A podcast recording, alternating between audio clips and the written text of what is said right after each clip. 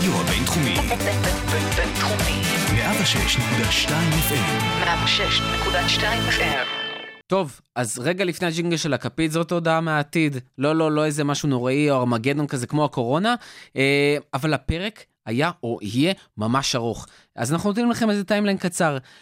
תחילת הפרק, עד הדקה ה-18 דיברנו על סיטי ועל מה שקרה ביום חמישי, נורא, ובכל זאת, מי שלא רוצה לשמוע ורוצה להעביר, יכול להעביר לדקה ה-18, שמשם אנחנו מדברים על כל מה שהוביל בשנתיים, שלוש האחרונות, לזכיות האלה, לאליפות הזאתי, ומשם, אחרי שעה ושתי דקות התחלנו לדבר על מה יהיה בשנים הקרובות, בשנתיים או בעשור הבא. אה, אז מי שנוח לו ורוצה פשוט להעביר, אחלה. מי, רוצה, מי שרוצה לשמוע בחלקים, גם טוב. ומפה, כל מה שנשאר לכם זה ליהנות. אז יאללה ג'ינגל! הכפית. הפודקאסט לאוהדי ליברפול בישראל. ברוכים הבאים לפרק 73 של הכפית, הפודקאסט לאוהדי ליברפול בישראל, כאן מהרדיו הבינתחומי בהרצליה, 106.2 FM. אני אריאל מורחובסקי, ואנחנו בפודקאסט הכפית ממשיכים את שבוע חגיגות האליפות של ליברפול, עם שבוע של פרקי האליפות מיוחדים. והפעם, זה כבר שבוע ופלוס הנגובר. בסדר, בסדר, נו. We won the league. We won the league. A-I-A-D-O, we won the league. והפעם, אחרי שדיברנו על תחושות החמות, ואחרי שדיברנו על מה הקבוצה עברה בשלושים שנה האחרונות, הגיע הזמן לעשות זום אין למה עברנו באמת בשנים הבודדות האחרונות, לעונה שתיים האחרונות, להבין בדיוק מה קרה, מה הוביל לשני האתרים הגדולים, והאם זאת רק ההתחלה. בשביל לענות על התשובות האלה מצטרפים אליי שוב רותם זמורה וגיא רגב שכבר שמעתם ושרו, מה קורה? We won the league. We won the league. A-I-A-D-O, we won the league. And now זה you כמו gonna believe us. עם השיר אה, בומרים הזה. We are all in heaven, we cannot be moved. זה נשמע כמו, אה, איך קוראים לזה? אה, אתה יודע, סדרת קלטות לילדים כזה, אז כל השירים של We would not be moved. אפשר כאלה. לחשוף פה את אליאנה מה- we- we should not- מהאולפן ליד שתשאיר לנו כמו כמו בן כן. אדם. מקווה שהיא לא תסיח דעתכם יותר מדי פה, אבל אה, אני בחרתי בזווית הנכונה. שלא להסתכל עליה. רותם בבעיה. אני מקצוען. טוב, אה, אנחנו רוצים להתחיל לפני הנושא המרכזי, עם איזשהו פיל שנמצא בחדר, ולמרות שעברו כבר איזה שלושה ימים, צריך ככה לשחרר אותו מפה, לפתוח את הדלת ולהוציא. אז אה, בואו נדבר רגע על. המשחק ה... כן, פיל פיל פה יפה. אה, שרון דוידוביץ' גאה בך. גנבתי משר, מה נראה לך? בואו נדבר שנייה על הפיל פודן, על ה-4-0 המביך הזה, כמעט 5-0 מביך שהיה ב- באתיחד ביום חמישי. שמע, אסון, אני לא יודע איך נתאושש מזה.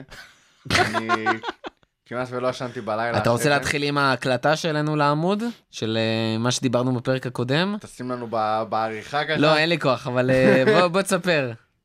שמע, בפרק קודם אני וברבירו הגענו ל- לדבר על סיטי ככה, אה, משהו כמו דקה וחצי מתוך פרק של שעה ורבע, שזה כבר למי שלא מאמין אה, מראה את מידת העניין שלנו במשחק הזה. היה ברור, לי ולברבירו לפחות, שזה הולך להסתיים ב- בפחות או יותר כמו שזה נגמר. לא בטוב. לא בטוב, אה, וגם היה ברור לנו שזה לא מעניין אותנו יותר מדי.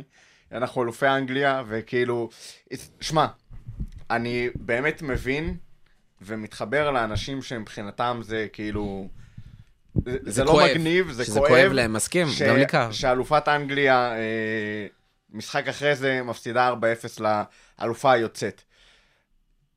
אלופה מבח- לשעבר, היא כבר לא יוצאת. אלופה לשעבר, כן. אה, היא הייתה יוצאת אה, חודשים ארוכים במהלך העונה.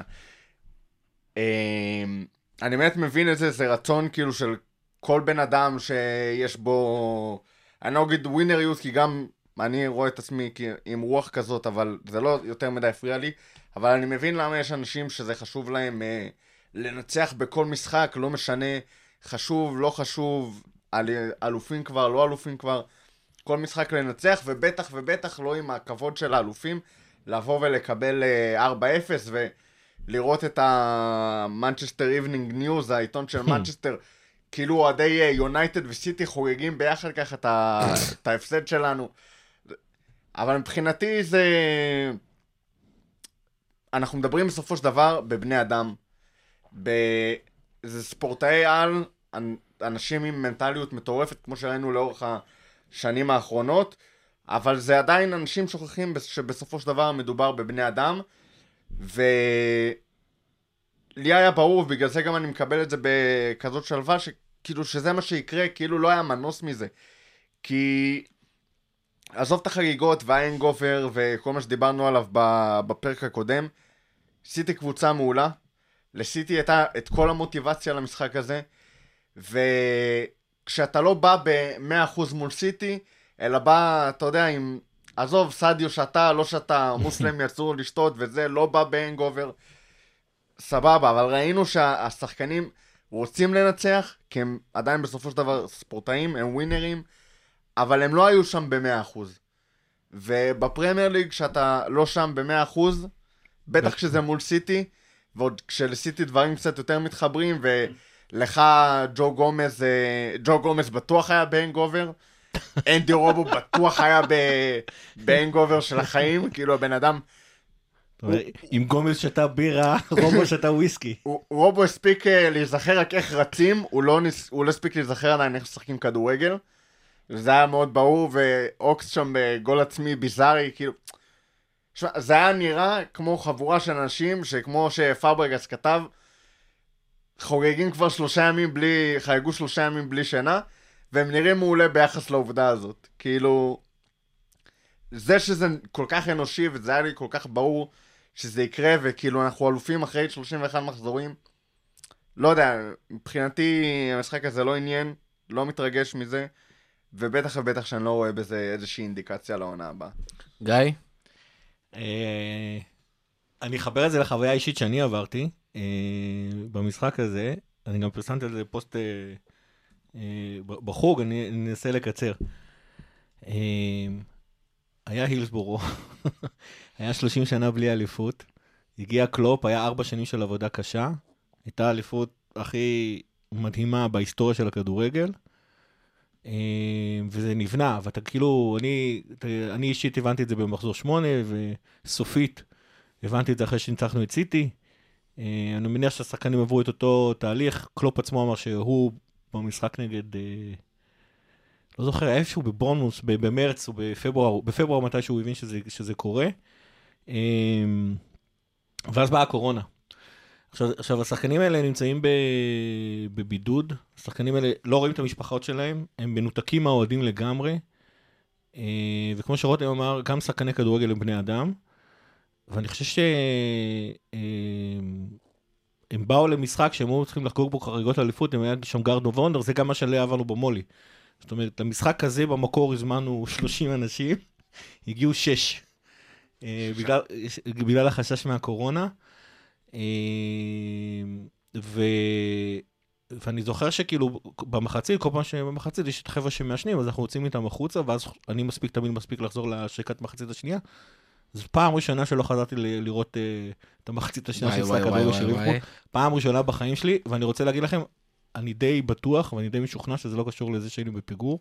אני חושב שגם אם היינו מובילים 3-0, לא הייתי חוזר לראות את המחצית השנייה. אה, כי עניין אותי לדבר עם, ה... עם החמישה אנשים שכן אה, הצטרפו אליי, לשאול אותם מה, קרה, מה עבר עליהם בשלושה חודשים, לדבר איתם, לספר את החוויות אליפות, את, ה... את המיני חגיגה הזאת שהיא לא הייתה ב... היא לא הייתה בווליום גבוה, כמו ש... זה לא היה אירוע של אלף אנשים שהיה אמור להיות, ש... שהיה מגיע לנו.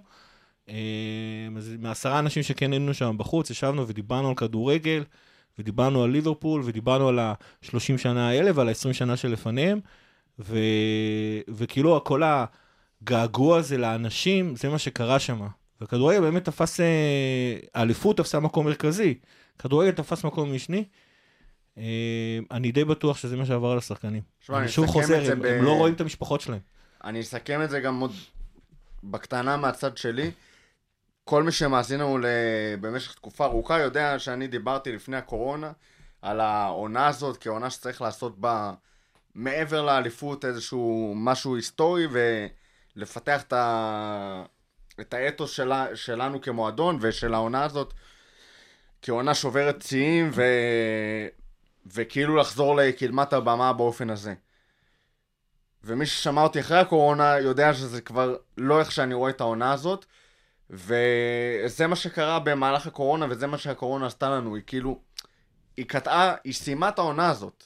העונה הזאת הסתיימה, מבחינת אוהדי ליברפול, ברגע שהגיעה הקורונה, שם נגמרה העונה, זה מה שיהיה לנו בראש. שם הייתה הנפת הגביע בעצם. שם לקחנו את האליפות, חזר... הייתה בעצם נפילות מתח. זאת אומרת, כן. אם, אם לקראת הקורונה, ידעת זה שתהיה אליפות, נפ... אבל היית מתח. בשיא המתח, כאילו היית כבר בשיא, אתה אומר, הנה עוד משחק, עוד שתיים, זה כבר קורה, זה, פה אני מרגיש, בקורונה, במשך שלושה חודשים, לא היה לך כלום, אז ירד לך כל המתח, כל זה- האדרנלין, זה הרבה יותר ואמרת, טוב, זה מתח." כבר שם, זה כאילו, בסדר, הסתיימה, קרה. הסתיימה העונה, כאילו, כן. זה, זה בצורה, זה, זה לא ירידת מתח, זה לא שירדה הסתיימה העונה, חזרנו בשביל לקחת את האליפות פורמלית על הנייר, נכון, כי גם... שיחתמו לך כאילו על ה... זה, זה כמו שאתה יוצא לחפשש בצבא.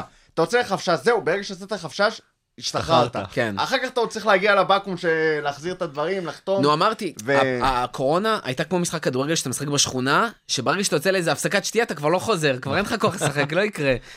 לא, אבל זה יותר מזה, כאילו, כש... ברגע שהוציאו אותנו לפגרה הזאת של הקורונה. שם לקחנו את האליפות. כי לא משנה איך היו סוגרים את העונה הזאת, היו נותנים אליפות לליברפול. אה, אי אפשר היה אחרת. היו נותנים אליפות לליברפול, אה... כי, כי היו חייבים לסגור את העונה איכשהו, יש אה, התחייבויות לליגת האלופות שנה הבאה, יורדות, עולות, כל מיני דברים כאלה. לא יודע מה הם היו עושים האנשים בחליפות, אליפות לליברפול הייתה מגיעה. אבל זה אליפות, זה לא כמו הגול של אוריגי. זה לא, זה לא כמו הש, השער שמביא אותך מעבר לקו ו, ו, ומנצח את הזה. אה, זה לא איזו התפרצות רגשות כזאתי, אה, ש, לוקח לאליפות, זה אליפות שאתה כאילו לאט לאט מבין ומעכל שזהו, נתנו לך את האליפות. אז יכול להיות שלי זה לקח דקה, יכול להיות שלמישהו אחר זה לקח איזה יומיים שלושה להבין את זה, יכול להיות שמישהו לקח לו שלושה שבועות להבין את זה, יכול להיות שמישהו רק אחרי שהחזירו את הליגה הבין את זה. אבל זה לא משנה, לא היה פרק רגשות אחד של כולם, וגם, וגם למי שעבר את זה, אפילו אני שהבנתי אחרי נגיד יומיים, אז לקח לי יומיים להכיר את זה שלקחה אליפות. זה לא חוויית אה, רגשות של אה, שם את הגול ולקחת את, ה, את התואר, אה, זה לא מהלך שהעבירו אותך מעבר לקו הסיום, וזה קורה בלי החברים שלך. אבל בכל זה זאת, קורה אתם- בלי החברים, זה- זה בלי מרגיש- האוהדים, בלי השחקנים, בלי אנפילד, אה, בלי לכל הפחות אוהדי חוץ, ואני חושב ש, שכל ה anti climax הזה, אה, זה גם מה שקרה ל, אה, לשחקנים. אבל אני רגע שואל, זה, כאילו, אני מניח שהמאזינים אה, שומעים את זה, ואומרים, רגע, אבל זה סוג של פלסטר, כי בכל זאת העונה עדיין לא נגמרה, יש עדיין שיאים שיכולים להישבר, השחקנים רוצים לשחק, גם יש איזשהו משהו שאתה בא ואומר, לפחות מול סיטי, תהיה תחרותי, שים את עצמך על המגרש, לפחות שהמשחק הזה יעבור, וכל השאר כבר תתחיל לזרוק, במיוחד שיש לך כמה משחקים יותר קלים. כאילו, אתה רוצה לבוא ולהגיד ליריבה המושבעת של השתי העונות האחרונות, יריבה מושבעת במרכאות, של השתי העונות האחרונות, אתה רוצה לבוא ולהגיד, הנה, אותם ניצחתי, זאת אומרת, האליפות הזאת לקחתי אותה, ולא ב... בחסד, אלא בזכות, ואני אראה לכם את זה, וגם אני יכול להבין את זה שוב ממקום אה, מאוד אישי ותחרותי, של אני רוצה לנצח את הכל משחק, ואני הרגשתי באיזשהו מקום, כאילו מאוד פגוע, לא כי ליברפול אכזבה אותי, כי אני, בתור מישהו שאוהד ליברפול ומרגיש חלק מהמועדון, חלק מהקהילה שהיא מייצרת, הרגשתי כאילו את הכאב הזה של, ה, של ההפסד, הכאב התחרותי, ובכל זאת, כאילו, זה, זה לא מביך באיזשהו מקום? כאילו השחקנים באמת, כמו שאומרים, עלו באנגרובר ויאללה בבאללה? אני חושב שהם ניסו. 20 דקות היינו הרבה יותר טובים מסיטי. עד הפנדל בעצם. היינו יותר טובים? אה. קרב צמוד היינו ומעניין. הרבה יותר עד. הפנדל היינו הרבה יותר טובים מסיטי, היה את הלחץ, היה את הזה, היה את הקורה, היה אחרי הקורה, רמניה לא הצליח להשתלט על כדור, היה עוד איזה כמה, היה פרמינו שצריך להגיע לבד מול, מול השאר אחרי איזה החטאה של מאנה. היה שם 20 דקות של ליברפול הייתה יותר טובה, ואז הגיע ה- הגול הראשון. אגב, גם שני השרים של סיטי הגיעו משתי בעיטות אה, למסגרת. כן, היה ואז- סטטיסטיקה, שיש לנו אותה סטטיסטיקה, רק שהם כן. ניצלו את המצבים כן, והבקיעו ארבע ואנחנו בעיטות לא. לשער, שתיים למסגרת. אגב, השתיים למסגרת לא ספר את הקורה, זאת אומרת, לנו היה לכאורה, לכאורה, שלוש בעיטות למסגרת. ואז, ואז, ואז התחיל כל מה שלפחות אני אמרתי שעבר על השחקנים, זה כאילו כבר, אתה יודע, זה מה שנקרא אחרי 2-0, אתה איבדת עניין. אגב, זה גם, זה גם הטבע של ההתמודדות בין ליברפול לסיטי בשנים האחרונות. זאת אומרת, זה לא תמיד נגמר ב-4-0 או 5 ב- או 5-0 כמו שראינו, אבל לצורך העניין 3-1 של העונה הזאת יכול גם להיגמר ב- ב-5-0 ל- לנו. וגם זה- בהרבה התמודדויות קודמות, גם בהרבה- ניצחנו אותם. ב- ב- בצ'מפיונס ב-3-0 שנתנו 1, 2, 3, ואם היינו רוצים... אה, הובלנו 4-0 או 4-1 באיזשהו שלב לפני איזה שתי עונות. בארבע אחד, כאילו יש לך כן. לפני ארבע שלוש. זה, זה הטבע של ה... זה, אתה מקבל משחק מאוד צמוד ואינטנסיבי, עד שנכנס הגול הראשון, ואז, אה, ואז כאילו זה יכול להתפרע למקומות אחרים לגמרי, כי שתי הקבוצות מאוד מסוכנות, וזאת שמצליח להתחבר לה היום יותר מוקדם, אז אה, זה בדרך כלל מתחבר גם לעוד כמה שערים, ומעבר לזה, תראה, קלופ התעצבן אחרי... הוא לא התעצבן, אבל הוא... הוא לא, הוא ממש לא אהב את השאלה, שאלו אותו, האם השחקנים שלך לא התייחסו למשחק הזה ברצינות, או אני נותן פה דרג, תרגום חופשי, והוא אומר שהוא לא מבין את השאלה, ברור שהשחקנים שלו רצו לנצח, ראית אותם גם רצים, ראית את אנדו רץ בטירוף, עד השנייה האחרונה, כן, באמת עד, היה עד לחץ. השנייה האחרונה, אבל יש לרצות לנצח, ויש כאילו לרצות לנצח בראש, כי אתה ספורטאי, כי אתה ווינר, כי אתה רוצה לנצח, ויש באמת, באמת, באמת... לטרוף את המגרש ולקחת שה- את הניצחון. שלא רק הראש שלך, גם הגוף שלך, וזה אנשים שלפעמים לא עוסקים ב, אה, בספורט, לא מבינים. הגוף שלך והמוח שלך, זה, הם לא בהכרח עובדים בסנ, בסנכרון. וכשהגוף שלך, זה לא רק אנגובר פיזי, מה, הגוף שלך לא שם ב-100%. הראש שלך אומר, אני רוצה לנצח, אבל הגוף שלך, הוא משחרר עליך כאילו 90%. לא 110% שהיינו רגילים לראות, וזה לא משהו שאתה יכול בהכרח לשלוט עליו ב... בקטע מודע. כשאתה לא מצליח לה... להגיע ל-100% שלך, ואתה לא מצליח באמת, כאילו, אתה רוצה לנצח, אבל אתה לא באמת באמת רוצה לנצח, ש- זה טבוע לך כאילו ב...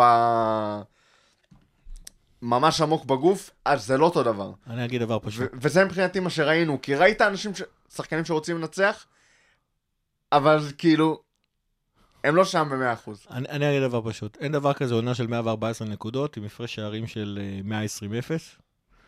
שמח שזה קרה לנו במשחק הזה. אבל זאת לא הטענה של אף אחד שמי לא, לא, וחלילה. מה... לא, לא, ברור שלא, ברור. מההפסד הזה. ברור, ברור. אתה גם, גם, גם כשתפסדת על וורדפורד, אתה רצית, רצית כאילו גם יש שם. עניין של תן שער מצמק, תעשה את אבל אני לא אפילו. הגעתי זאת אומרת, אין דבר כזה, ואני שמח שזה קרה לנו במשחק הזה, וניסית את זה קרה בכמה משחקים? 14? יאללה. השורה התחתונה, אבל שמי שמתבאס, זה, זה לא שהפסדנו, זה לא שלא נגיע ל-114 נקודות, זה אפילו לא שנשבור שיא. אלא זה שמשחק אחרי האליפות, אתה מקבל 4-0 ממי שכאילו, אתה כן, טוען. שאתה יותר טוב ממנה. אבל עזבו שטויות. תסתכלו רגע על הטבלה, כן. 20 הפרש, בשורה התחתונה המטרה של, של עונת פרמייר ליג היא לקחת אליפות. אין שיא יותר מובהק ויותר כאילו, אם אתה רוצה לזכות בפרמייר ליג, אתה צריך להשיג יותר נקודות מכל, ממי שמתחתיך. אנחנו עשינו את זה הכי מהר בהיסטוריה. אני לא יודע אם אי פעם איזשהו מועדון יצליח לרדת מזה, אם כן זה יהיה ל-30 משחקים או משהו לא, כזה. לא, לא, אני לא חושב שזה פיזית אפשרי. זהו, סטטיסטית זה, זה הסף הבלתי אפשרי. זה השיא הכי גדול שאתה יכול, מבחינתי, לקחת בעונת כדורגל, זה לזכות הכי מהר, כי סימן שהיית הכי טוב בפער הכי גדול. אז uh, אני לקחתי את זה, זה החגיגות שלי. מה שמגיע אחר כך, כל מי שמסתכל על אליפות לאחר 31 מחזורים, וחושב שמה שמגיע אחריה משנה משהו, סלחו לי, אבל זה כאילו... תסתכלו על הטבלה, תסתכלו על איך שהעונה הזאת הייתה. מי שמעז להגיד שבגלל המשחק הזה, לא יודע, כוכבית, אין מושג איזה דברים. הזויים אנשים אומרים, שחררו. טוב, אז בואו באמת נדבר על העונה האחרונה, אבל השתי עונות האחרונות שהיו סופר מוצלחות. אה, בסופו של דבר כמות נקודות פסיכית, שני תארים גדולים, גם צ'מפיונס, גם, אלופ, אה, גם אליפות. ואנחנו רוצים לגעת בשלושה דברים מרכזיים ולדבר עליהם קצת ברמת המקרו. אה, אם זה ההנהלה, אם זה קלופ והצוות המקצועי, ואם זה השחקנים. ואיך באמת הגענו ל- לנקודה שהגענו אליה היום, ושאנחנו באמת יכולים להגיד, בואנה, זה לא ליברפול של לפני עשר שנים ולא עשרים שנה, יש פה תארים, עונה אחרי עונה, יש פה את הליברפול הכי טובה שהייתה בהיסטוריה של המועדון. איך הגענו לזה? אז בואו נתחיל באמת עם ההנהלה. אה, גיא, תן את הנקודות שלך שהובילו את ליברפול למה שהיא היום. תשמעו, האליפות הזאת זה לא אליפות של עונה אחת. היא גם מהצד השני לא אליפות של 30 עונות, כמו שאנחנו האוהדים מסתכלים עליה. זה אליפות של, אה, שהתחילה לפני 10 עונות, כש-FSG הגיע, שעברו סדרה של אה, עונות לימוד, אבל אה, אני חושב שצריכים להבין ש, שמה ש-FSG עושה ב- בליברפול, היא, היא בנתה פה איזושהי תרבות ארגונית אה, ו, וניהולית וכלכלית, שהיא בעצם הבסיס להכל. אה, ושעליה אחר כך קלופ נכנס ו- והשלים את התמונה. אה, קודם כל, היא הצליחה להגדיל את, ה- את ההכנסות שלנו בצורה מעוררת אה, הש- השתאות. אה, נבהיר, 80% מהעלייה של ההכנסות זה איזושהי התפתחות טבעית של הכדורגל, חוזים חדשים של הפרמייר ליג, חוזים חדשים של הצ'מפיונס ליג. אה, זה שיותר אה, אה, אה, חברות מסחריות משקיעות בכלל בכדורגל, רוצים להיות ספונסריות של קבוצת כדורגל. אז, אז זה בא משם, אבל הם עדיין הצליחו לתת איזשהו את האקסטרה 20 אחוז, להוסיף עוד שת"פים עם עוד ארגונים, אה, להכניס אותנו לארצות הברית, אגב, זה שוק שהם אה, מגדלים. הבנייה של היציאה החדש של אה, המרכזי, כל מי שנמצא שם ורואה את אה, איך הם לקחו אותנו מאיצטדיון של שנות ה-30 לאיצטדיון אה, שנות ה-30 של השנה הקודמת, לאיצטדיון של, אה, שנראה כמו איצטדיון אמריקאי מבחינת מסעדות, ברים, פאבים, הם, כרטיסי הוספיטליטי, זאת אומרת, הם, הם מצליחים למצוא איך להוסיף עוד הכנסות ועוד הכנסות ועוד הכנסות ועוד הכנסות. אז רגע, איך זה באמת עדיין מרגיש, כאילו, איך זה באמת 20 ולא יותר? כי אתה אומר 80 אחוז זה ה-20 מהגדילה הטבעית. זה מרגיש כאילו קצת מוזר שזה באמת רק 20 אחוז. כן, אבל זה רק מבחינת ההכנסות. קודם כל, יש קבוצות שלא עושות את ההכנסות האלה, בסדר? זאת אומרת, אה, זה צריך גם אה, אה, אז לתת את הקטע הזה. ודבר שני, זה גם איך הם מנהלים את ההוצאות.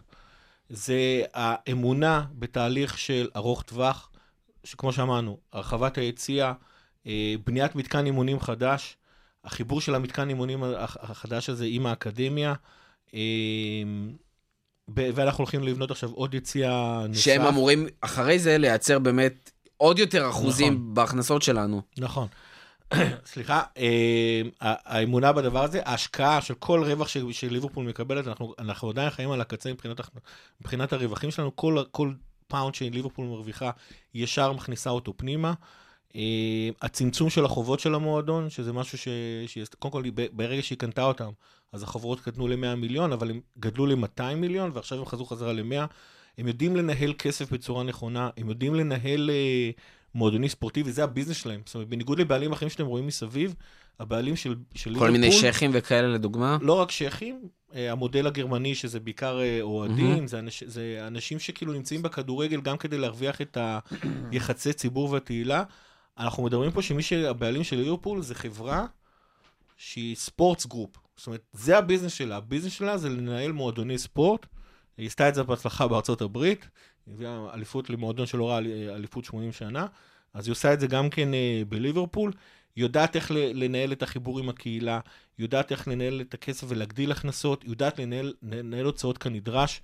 כל האמונה הזאת במכפילי כוח, אם זה מייקל אדוארד וועדת הרכש ואסטרטגיית הרכש של ליברפול.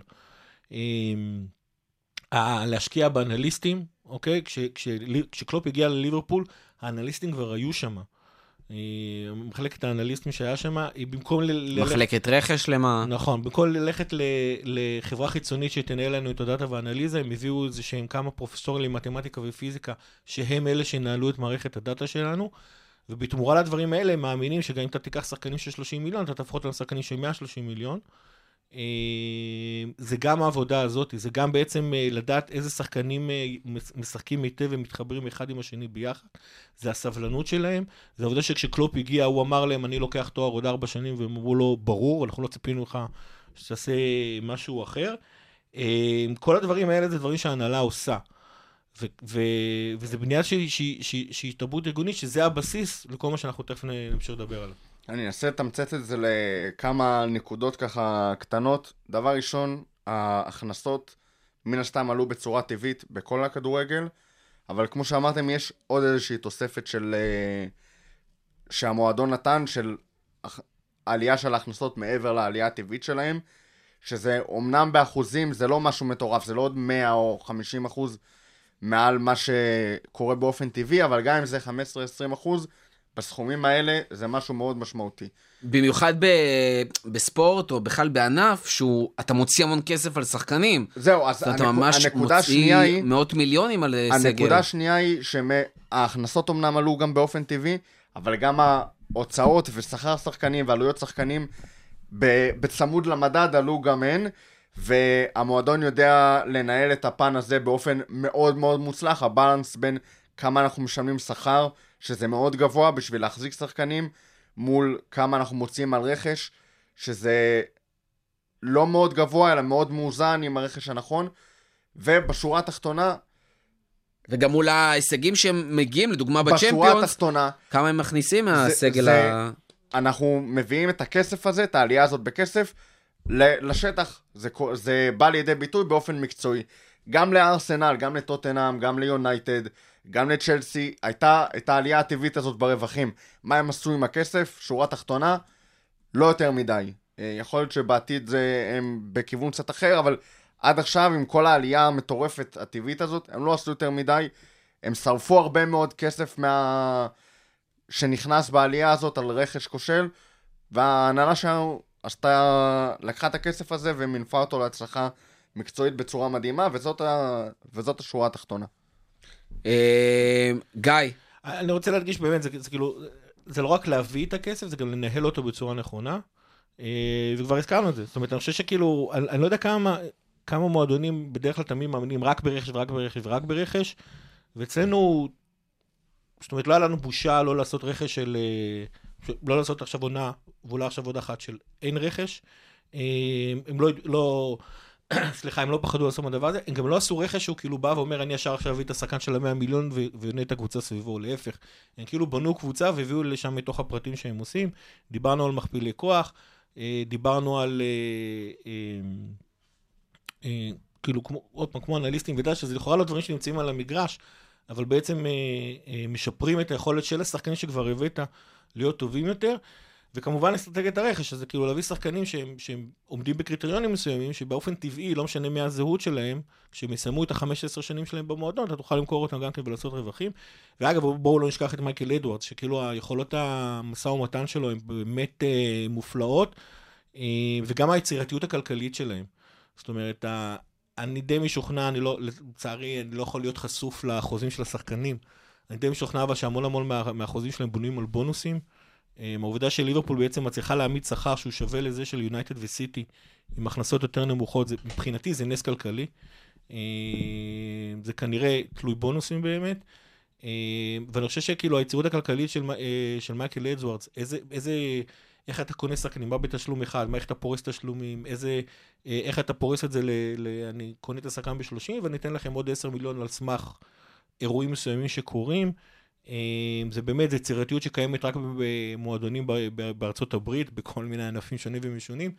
אה, ואני חושב שהדבר הזה פשוט... עסקים רציניים. כן, כן, לא, הרווח הקטן הזה שדיברת עליו, שאנחנו חיים עליו, שאנחנו זה היעילות הזאת. זה, זה לא רק יעילות, גם חשבונאית. נכון. אם אתה מסיים כן, ברווח כן. גדול, אתה מפסיד הרבה מאוד כסף על ל- מס. ל- על מס. אם אתה כל פעם מסיים את זה על רווח מאוד קטן, אתה, מפ- אתה מפסיד הרבה פחות כסף. ואתה משקיע את זה, זה לא שאתה בכוונה לא מרוויח יותר כסף, אלא הכסף שאתה היית אמור להרוויח, אתה משקיע אותו בנכסים. בוא נגיד מינמינו, הוא הוריד לך כמה? חמש... שמונה. שמונה מיליון? זהו? כן.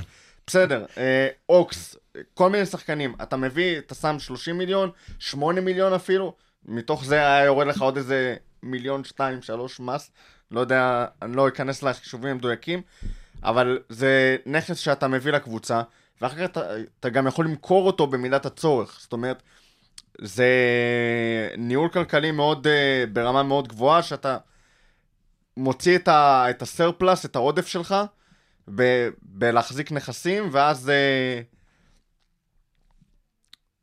ואז אה, מנהל את הכסף בצורה מאוד נכונה. נכון, ואני חושב שזה זה כאילו הבסיס לכל זה, וכמובן, והסבלנות, זאת אומרת, האמונה בדרך, ולא בתוצאות מיידיות, זה, זה כאילו משהו שהוא באמת אה, נדיר לראות אה, בקבוצות ספורט, ולדעתי אנחנו נהנה מזה בעתיד הקרוב. בוא, והרחוק. בוא נדבר עכשיו קצת בהרחבה על, ה- על קלופ והצוות המקצועי שעוטף אותו, ו, ומה באמת קרה שם. עכשיו, דיברנו על זה הרבה. דיברנו על זה באמת לא מעט מאז שהפודקאסט הזה קם, ואיך קלופ גם חלק מאהבת השחקנים והשימוש שלהם, וה... וכולם יודעים את, אתה יודע, המנטליות שלו, וזה שהוא עומד שם, והוא מחפה עליהם, בניגוד למאמנים אחרים שתוקפים את השחקנים שלהם, והוא משפר את השחקנים, אבל בכל זאת, בוא, בוא ניתן את האינפוטים שבאמת לא תמיד דיברנו עליהם עד הסוף, ואיך זה באמת הביא אותם לשינוי מנטלי מטורף. אני רוצה להגיד שני דברים ראש- מיידית על, על קלופ, שהם גם די הסבר של כל מה ש, שקורה. אה, קלופ הוא פשוט התאמה מושלמת לערכים של ליברפול והמועדון הכדורגל ליברפול. גם זה של לא... העיר. כן, זה באיזשהו- של כן, ליברפול. ליברפול העיר. ומועדון... הכדורגל ליברפול, כמו שדלגליש אמר עליו, הוא, הוא תחושה של Scouser אמיתי. אתה ראית את זה מהרגע הראשון, זאת אומרת, אני נחשפתי אליו בדורטמונד. מהרגע שראיתי אותו, החלום שלי היה שהוא יגיע לליברפול. אה, רק לא האמנתי שכלכלית אנחנו נהיה מסוגלים. אה, אז עוד פעם תודה ל-FSG. אה, זה התשוקה שלו לכדורגל, זה איך שהוא תופס כדורגל, זה איך הוא מצליח לקחת עם שחקנים שהם לא... או, זאת אומרת, אני לא חושב שהוא אומר לא למסי ורונלדו, אבל הם לא נאמר, אה, ממש לא נאמר אפילו, הם לא כל מיני פרימדונות, אלא שחקנים שבאים, עובדים קשה, אה, שחקנים צנועים, down to earth, זה שחקנים שכאילו מאמינים בתלכיד. אה, ונבנים שחקנים מאוד ביחד. משפחתיים, מאוד... נכון, עם אופי מאוד מסוים. וזה מצד אחד, מצד שני התשוקה הזאת לכדורגל, שזה כאילו, זה פשוט ההגדרה של ליברפול, העיר עוד קודם כל. וזה זה דבר אחד. דבר שני, אנחנו נמשיך אה, אה, לדבר גם על הדברים שקלופ כן עושה, אבל חשוב קצת להגיד, יש החלטה עקרונית של המועדון, בגלל ההתאמה המושלמת הזאת של הערכים, שקלופ הוא הפנים של הקבוצה, הוא הפנים של המועדון. הרבה פעמים אנחנו אומרים, קלופ עשה ככה, קלופ עשה זה, וקלופ עשה אה, דברים שקשורים בכלל ל- ל- ל- ל- ל- להתנהלות הארגונית של המועדון, לוועדת הרכש. אה, אז נכון, הוא נמצא שם, והוא, והוא מעורב בהחלטות, והרבה פעמים ההחלטות הן באמת שלו. קלופ לא מבצע 100% מההחלטות של המועדון. הרבה פעמים זה נוח למועדון לשים אותו בפרונט, לתת לו להיות אה, סוג של אה, יחסי ציבור. אה, הוא כן משמעותי, הוא כן כרגע, החלק הפאזל הכי חשוב שנמצא כרגע בליברפול, זה כן, לא, לא הולך להגיד אחרת, אבל לא הכל זה הוא.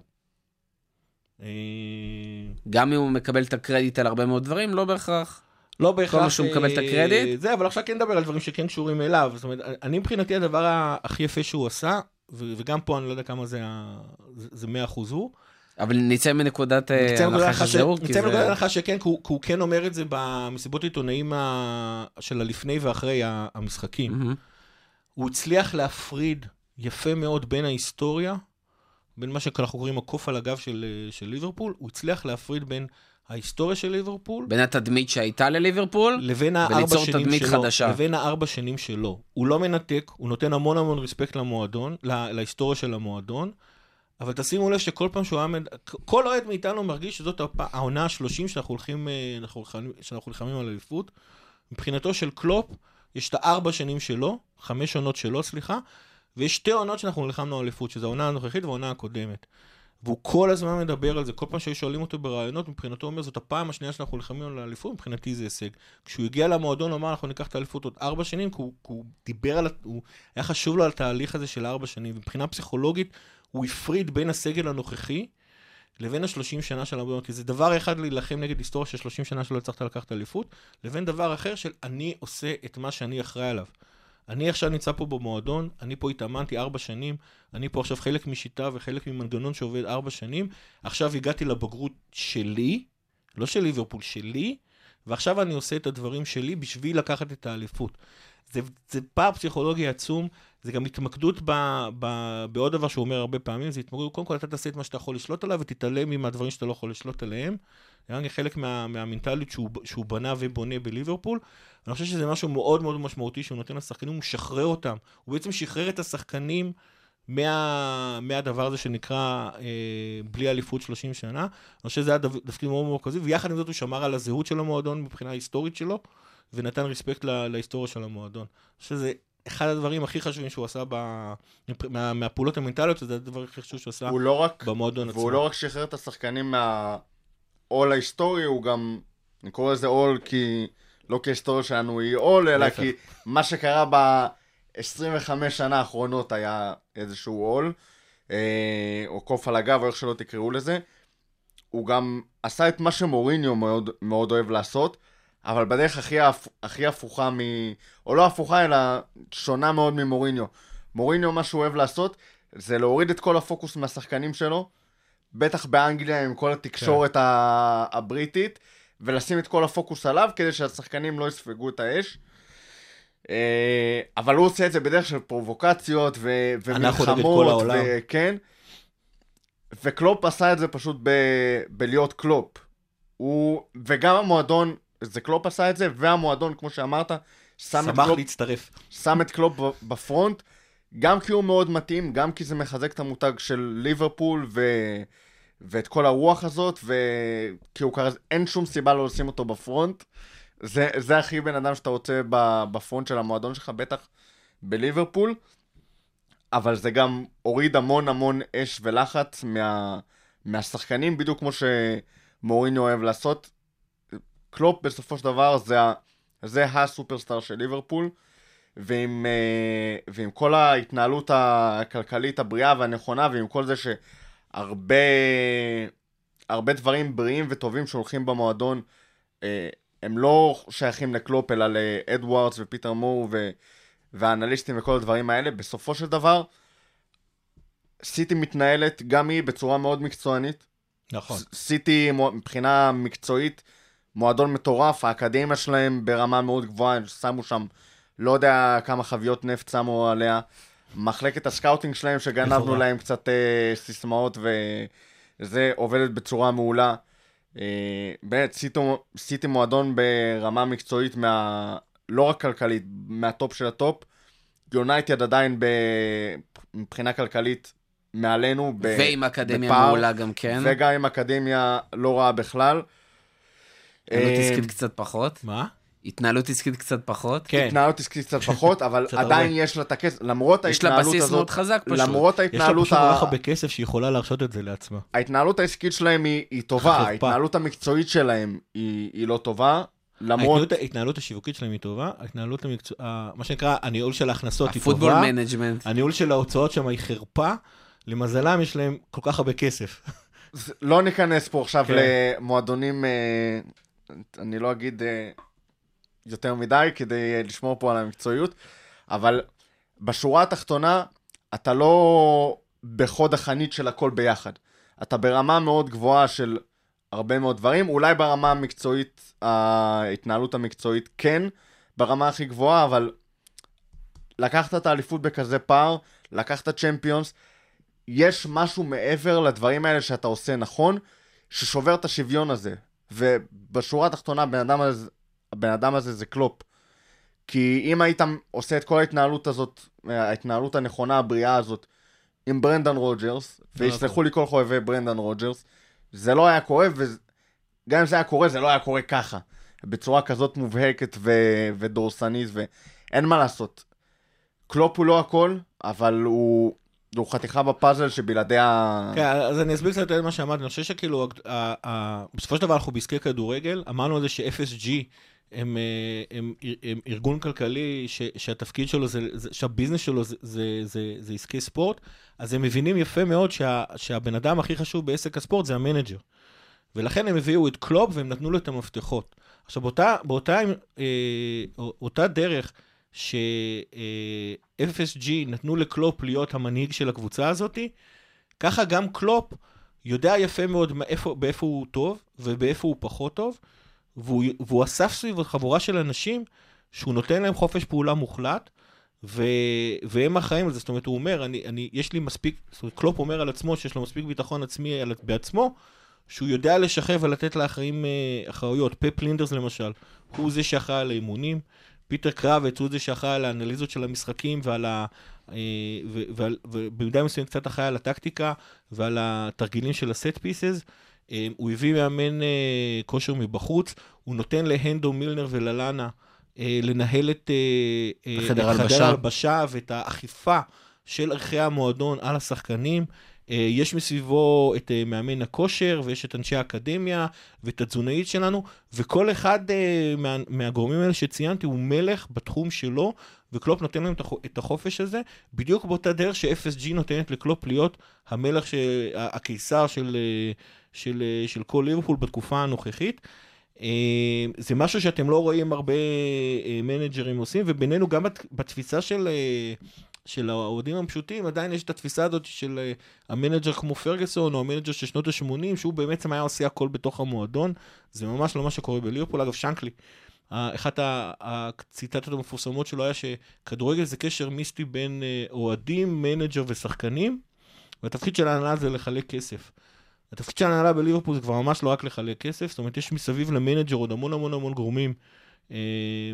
במידה מסוימת בהשוואה ל boot room, שפעם שנקלי עם אה, פייזלי ופייגן היו מנהלים הכל, אז עכשיו זה, זה, זה, זה קלופ בתור המנג'ר וכל ה, והצוות המקצועי שלו, אבל גם כל העטיפה הארגונית שנמצאת מסביב, שנותנת את, ה, את התמיכה הזאת אה, למועדון, וזה פשוט עבודת צוות.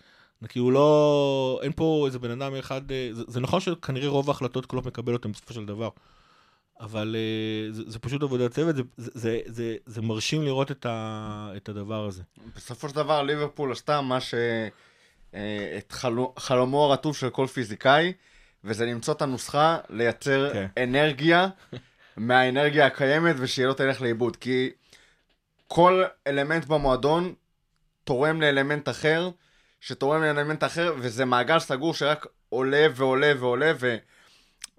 וזאת הדרך של ליברפול במצב הנוכחי שלה להתעלות מעל מועדונים עם כסף פסיכי כמו סיטי ו... ויונייטד וברצלונה וריאל ולגרום לזה באמת להצליח. כי ב bottom line כסף זה 95% מה... מהתוצאות שלך בכדורגל לא יעזור כלום לא משנה איך תסובב את זה. אלא אם כן קוראים לך לסטר סיטי ואתה בעונה חד פעמית וכל אה, הקרמה העולמית באה לעזור לך, כן. בערך. והיית חייב למצוא איזושהי דרך לפרוץ את זה. לאוהדי ליברפול היה ברור במשך המון שנים, אה, מהרגע שהשלמנו שאנחנו כבר לא המועדון הכי עשיר ו- וחזק באנגליה, שהדרך למעלה עוברת דרך המנטליות של העיר והמועדון, של עבודה קשה ביחד, וכל מה שקלופ ו-FSG הביאו בעצם. ואני חושב שהעבודה המנטלית הזאת היא לא נבנתה, עוד פעם, זה לא נבנה ברגע אחד. זאת אומרת, הדבר הראשון שקלופ בא ואמר, הוא רוצה, אני רוצה ליצור זהות לקבוצה.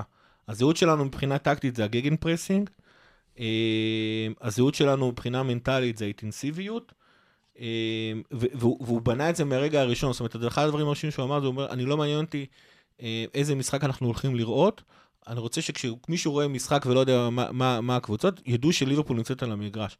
אני חושב שאם אתם תזכ... ת- תלכו אחורה ותזכרו במשחק למשל של, של האקדמיה של ליברפול, במפעלי הגביע השונים במהלך השנה, אם זה בגביע הליגה נגד אה, אסטון וילה ונגד ארסנל, אה, ואם זה בגביע נגד אברטון ונגד שרוסברי, אתם פשוט, כמה שתשחקו שם האקדמיה בכלל, ושחקו שם, לא היה שחקן הרכב אחד של ליברפול על המגרש, אתם ראיתם שזה ליברפול, אתם זיהיתם שזה ליברפול, זה, לא היה, זה פשוט לא היה משנה מי זהות השחקנים אה, שנמצאים שם.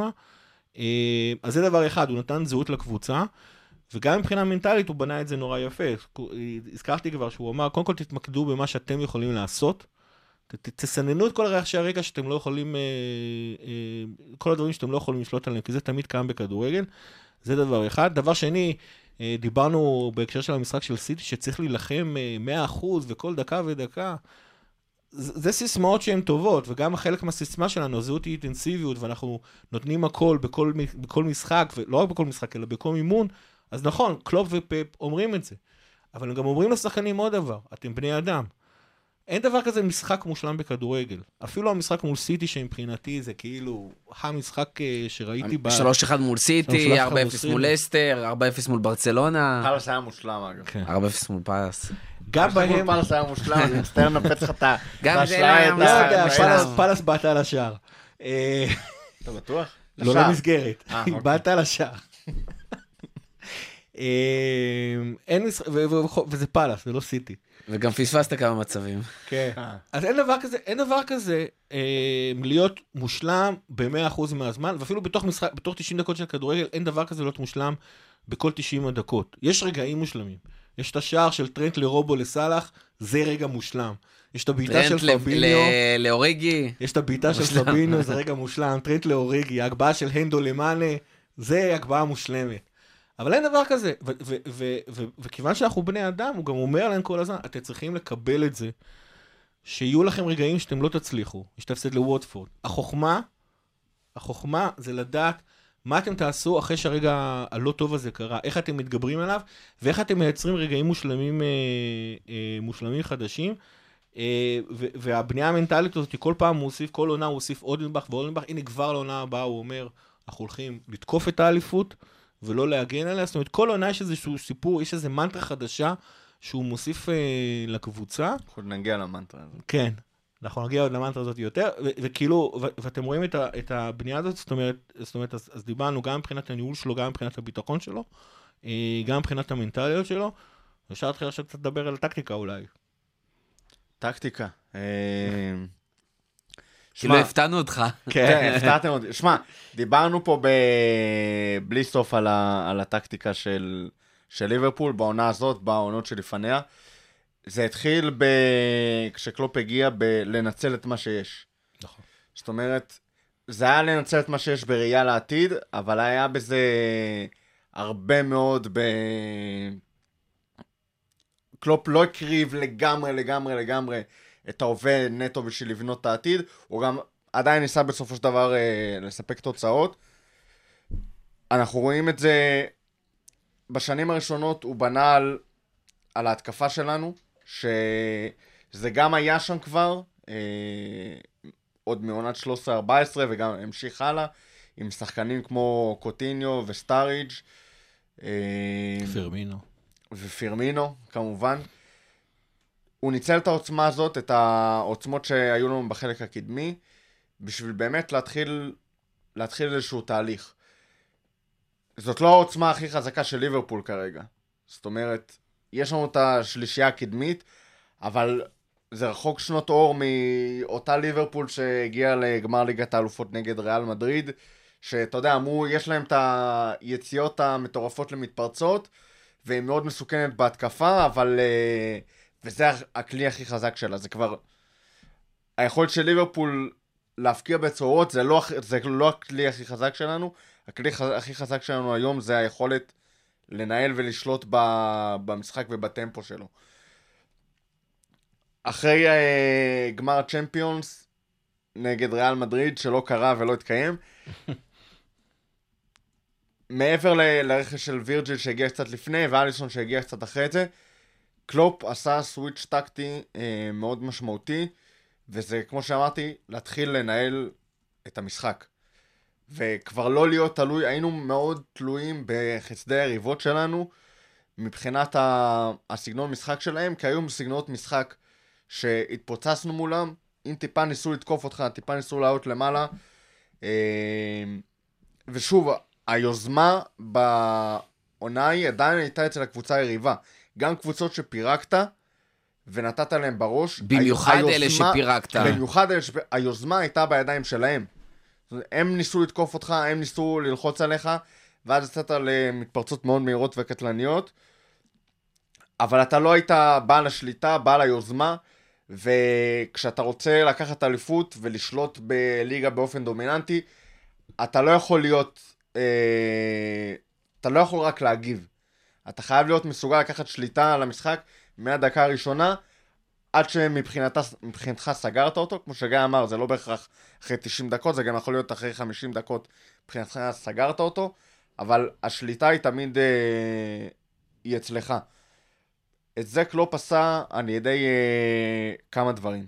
דבר ראשון, מבחינתי פביניו, ולא רק פביניו כשחקן, אלא פביניו כ- כקונספט של הקשר האחורי הזה שיורד לכיוון הבלמים ומהווה שם את העוגן הזה, זה, לא, זה משהו שלא היה לנו לפני זה. גם כשאנדו שיחק שם הוא לא עשה את זה כמו פביניו, לפני שפביניו הגיע, אחרי שפביניו הגיע הוא כבר כן יותר למד לעשות את זה, אבל הקשר האחורי המשמעותי הזה.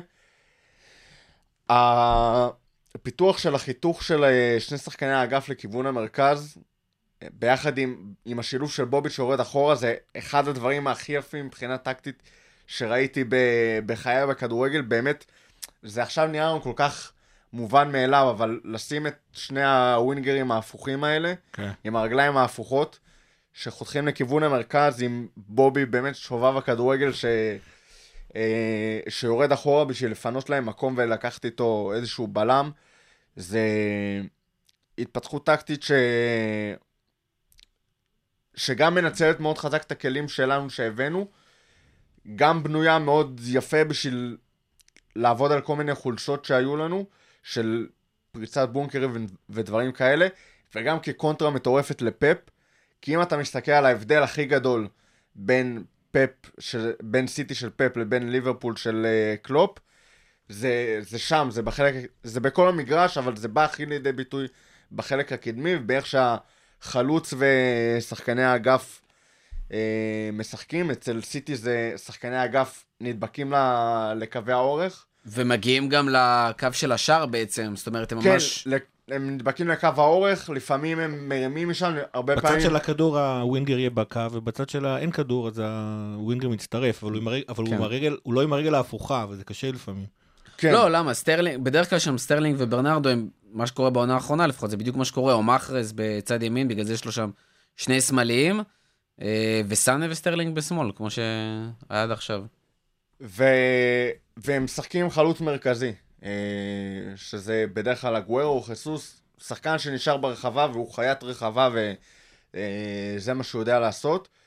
לעומת ליברפול, ששוב, הווינגרים שלנו חותכים פנימה, בזמן שהחלוץ ה... והם החיות רחבה. הח- החלוץ האינו אינו החלוץ, אה, בובי פירמינו אה, יורד אחורה, ואנחנו מקבלים בסיטי למעשה שחקן אחד, שעל הנייר, הרבה פעמים זה הרבה יותר, כן? אבל על הנייר יש שם שחקן אחד ברחבה, בליברפול יש אה, שני שחקנים שאמורים להיות בתוך הרחבה. הניצול של קלופ באמת במשאבים שעמדו לפניו, כי יש הרבה דרכים, הרבה טקטיקות מוצלחות. זה לא שלדעתי הטקטיקה של ליברפול היא בהכרח הכי טובה בעולם, מתעלה על כל טקטיקה אחרת שאי פעם הומצאה. היא גם מנצלת מאוד טוב את חומר השחקנים אה, שאנחנו מביאים ושהיה לנו במועדון. ההתפתחות של, של שני המגנים. זה משהו שבאמת, כשאתה הולך ללמוד על, על מגנים בכדורגל, הדבר הראשון שאומרים לך, כשיש התקפה, הפוזיישן אצלך, מגן אחד עולה, מגן אחד נשאר. למטה.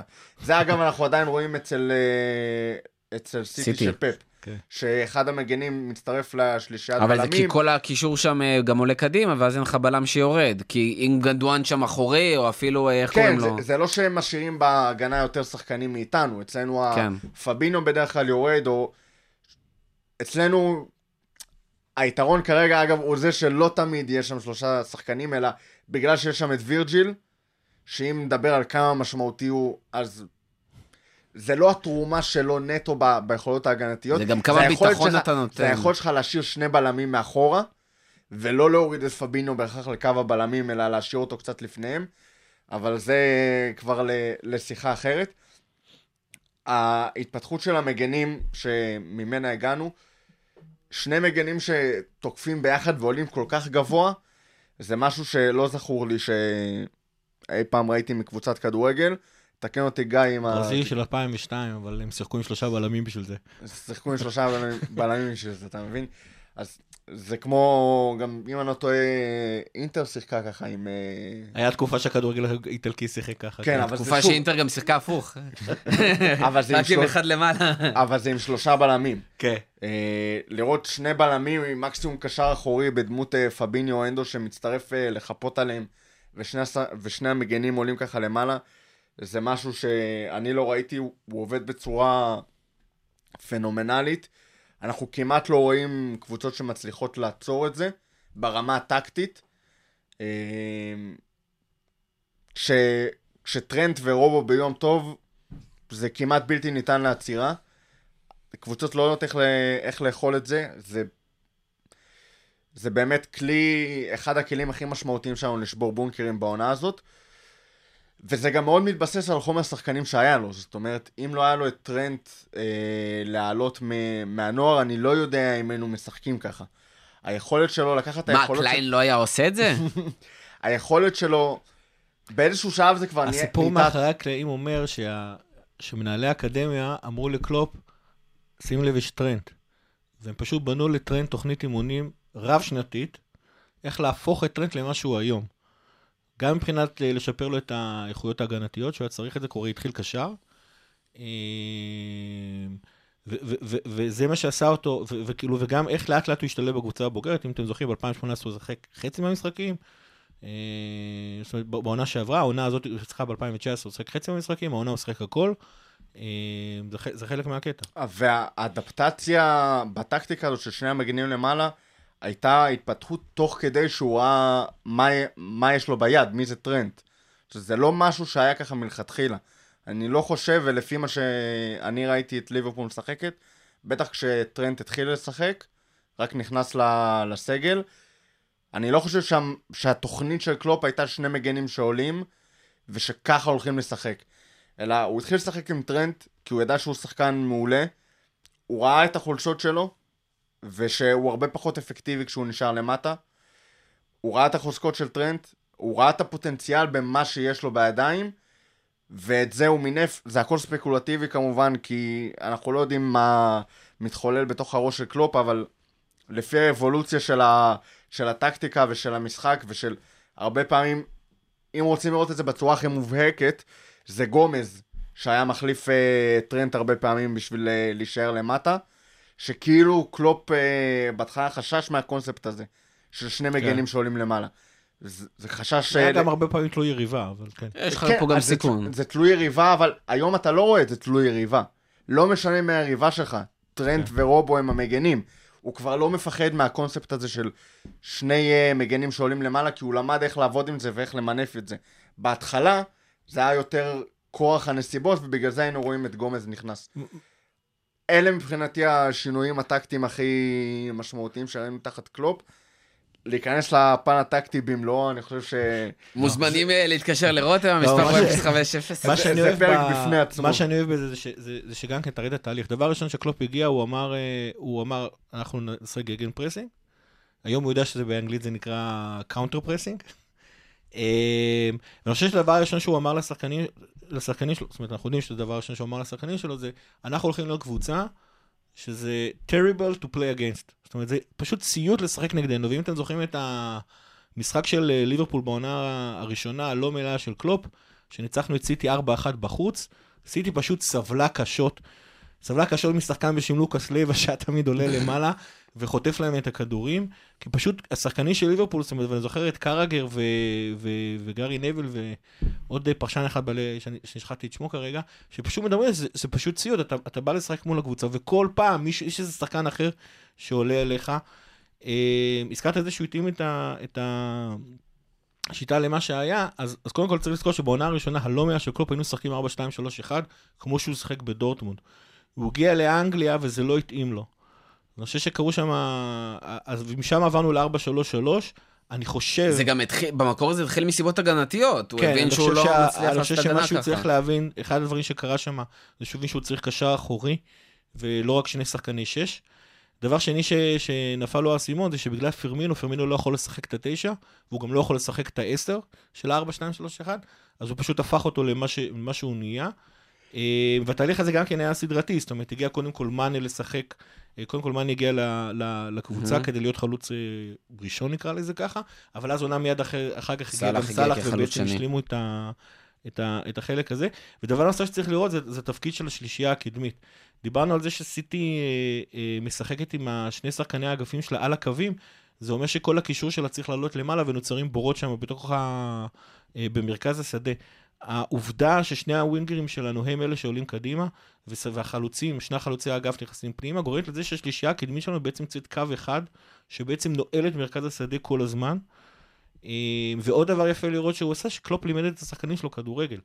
זאת אומרת, הזכרת את זה שפבינו הוא זה שיורד אחורה לבין הבלמים, תשימו לב שהרבה פעמים בבנייה של התקפות, מי שבכלל יורד אחורה לשלישייה, לייצר שלישייה עם, עם שני הבלמים, זה דווקא בכלל הנדרסון וג'יני, זה תמיד מישהו אחד מהשלישייה שיורד אחורה, ואז תמיד בלם אחד נשאר בעמדה שלו, אה, בלם אחד נהיה, נהיה כאילו באמצע, ובעצם הנדו פתאום נמצא בצד ימין, ואז השלישייה הזאת עולה הלאה. מהמם. ואז פבינו נמצא קדימה יותר. אה, אה, בעצם לעזור להשתלט על כדורים שמאבדים. ושוב פעם, הוא התחיל מ counter pressing, והדבר הבא שהוא, שהוא הוסיף עליו, זה משהו שנקרא, אנחנו קודם כל שומרים על הכדור. זאת אומרת, הליברפול היום אה, היא לא מחזיקה בכדור כמו סיטי, אבל היא מחזיקה בכדור הרבה יותר כמו ממה שהייתה פעם, ו-we are protecting the ball, זה חלק מהקטע של, שכמו שאמרת, על המעבר מההתקפה, שהיא חזות הכל, לזה שאנחנו גם לא סופגים כל כך הרבה, אה, גם נהיה חלק מהקטע, ושוב פעם, אנחנו רואים פה כרגיל את התהליך, גם מבחינת המנטרות המנטליות, גם מבחינה טקטית, איך כל שנה אנחנו הוספנו איזה משהו, ודבר נוסף זה גם לראות את הרכש. הרכש שלנו התחיל מ- מעוד פעם, מא', קלופ בכלל מעדיף למצוא פתרונות מתוך הסגל שלו ולא להביא רכש.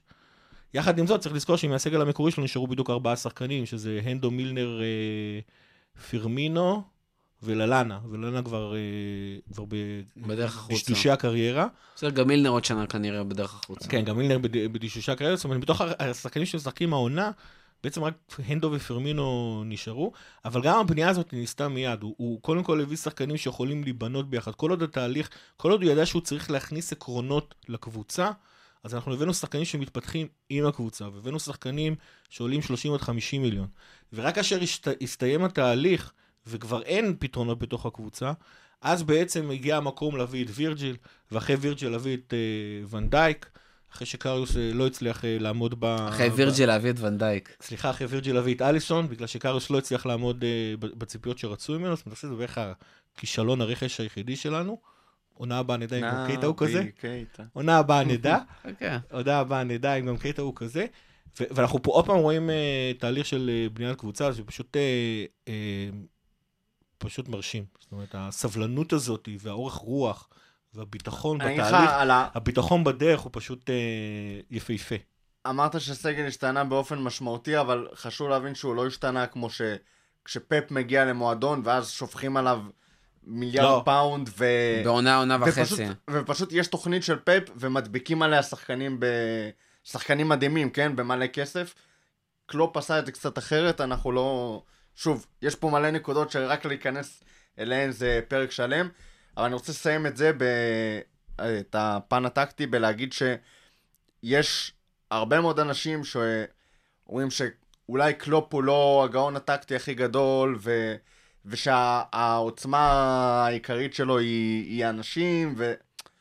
עזבו שטויות, כאילו, הבן אדם מאסטר עולם בניהול אנשים, כן? master of puppets. לגמרי. אבל יש פה גאונות טקטית בקנה מידה, אפשר לכתוב ספר שלם על מה שקלופ עשה מבחינה טקטית בקבוצה הזאת. כל מי שחושב להגיד שההצלחה שלו מגיעה נטו מניהול נכון של אנשים, באמת, לדעתי לא מבין כדורגל. כאילו, הדברים הטקטיים שנעשו בליברפול בשנים האחרונות, זה, זה משהו שכל מאמן צריך ללמוד. אורי אוזן היה פה באחד הפרקים, כן. ותאזינו פרק נפלא. התמוגג ונכנס להרבה דברים, התמוגג מליברפול ונכנס להרבה דברים טקטיים ש, שנעשו, באמת, יש פה עבודה טקטית שלא נופלת מפאפ בשום... מי שחושב שפתחנו 20, אה, אה, 20 נקודות עכשיו, כן, אחרי הפסד לסיטי, פער על פאפ, ושהגענו ל-97 נקודות, ובקלות היינו יכולים לעבור את ה-100 נקודות גם בעונה הזאת, רק על מוטיבציה ועל ניהול אנשים, בלי טקטיקה מופתית ברמה הכי גבוהה שיש, פשוט כאילו... זה אין גם- איך להסביר. זה גם לא משנה אם זה, אם, אם זה קלופ, כי כמו שאמרנו, הוא כאילו מביא אנשים, הוא מקיף את עצמו באנשים. זה מישהו אחר שהביא את הטקטיקה, מה זה משנה? טוב, רצינו בפרק הזה גם לעשות אה, אלו שמות ולהתמוגג על כל שחקן ושחקן, אבל כמו שרותם אמר גם לפני כמה פעמים, רק על זה אפשר לעשות פרק שלם. אה, ובכל זאת אני רוצה לקחת כל מה שדיברנו עליו עד עכשיו, ולהסתכל שנייה קדימה. ועד עכשיו הכל היה 90 אחוז בצק, אה, בצק, בטון, מוצק, אה, נתונים, אתם יודעים, דברים יבשים שאין לנו עליהם ויכוח. מעכשיו זה כבר הסתכלות באמת של אה, דעות ו-point of views, איך העונה הבאה נראית, איך השתי העונות הבאות ייראו, איך החמש, עשר שנים הבאות, אה, הבאים ייראו, ועכשיו אה, אני באמת רוצה לבוא ולשאול אתכם, איך לוקחים את כל זה, ו- ולוקחים את זה קדימה, האם באמת אנחנו צריכים, אה, האם זה המשך ישיר של מה שקרה, או האם צריך לעשות באיזשהו סוג של פיבוט, כי מעכשיו אנחנו כבר לא קונטנדרים, אנחנו לא 30 שנה רצים אחרי אליפות, אנחנו פה, לקחנו, לקחנו צ'מפיונס לפני עונה, האם אנחנו באמת, כמו שקלופ אומר, טורפים ותוקפים שוב את האליפות, או שאנחנו באמת צריכים לשנות פאזה ולהגן עליה? רותם?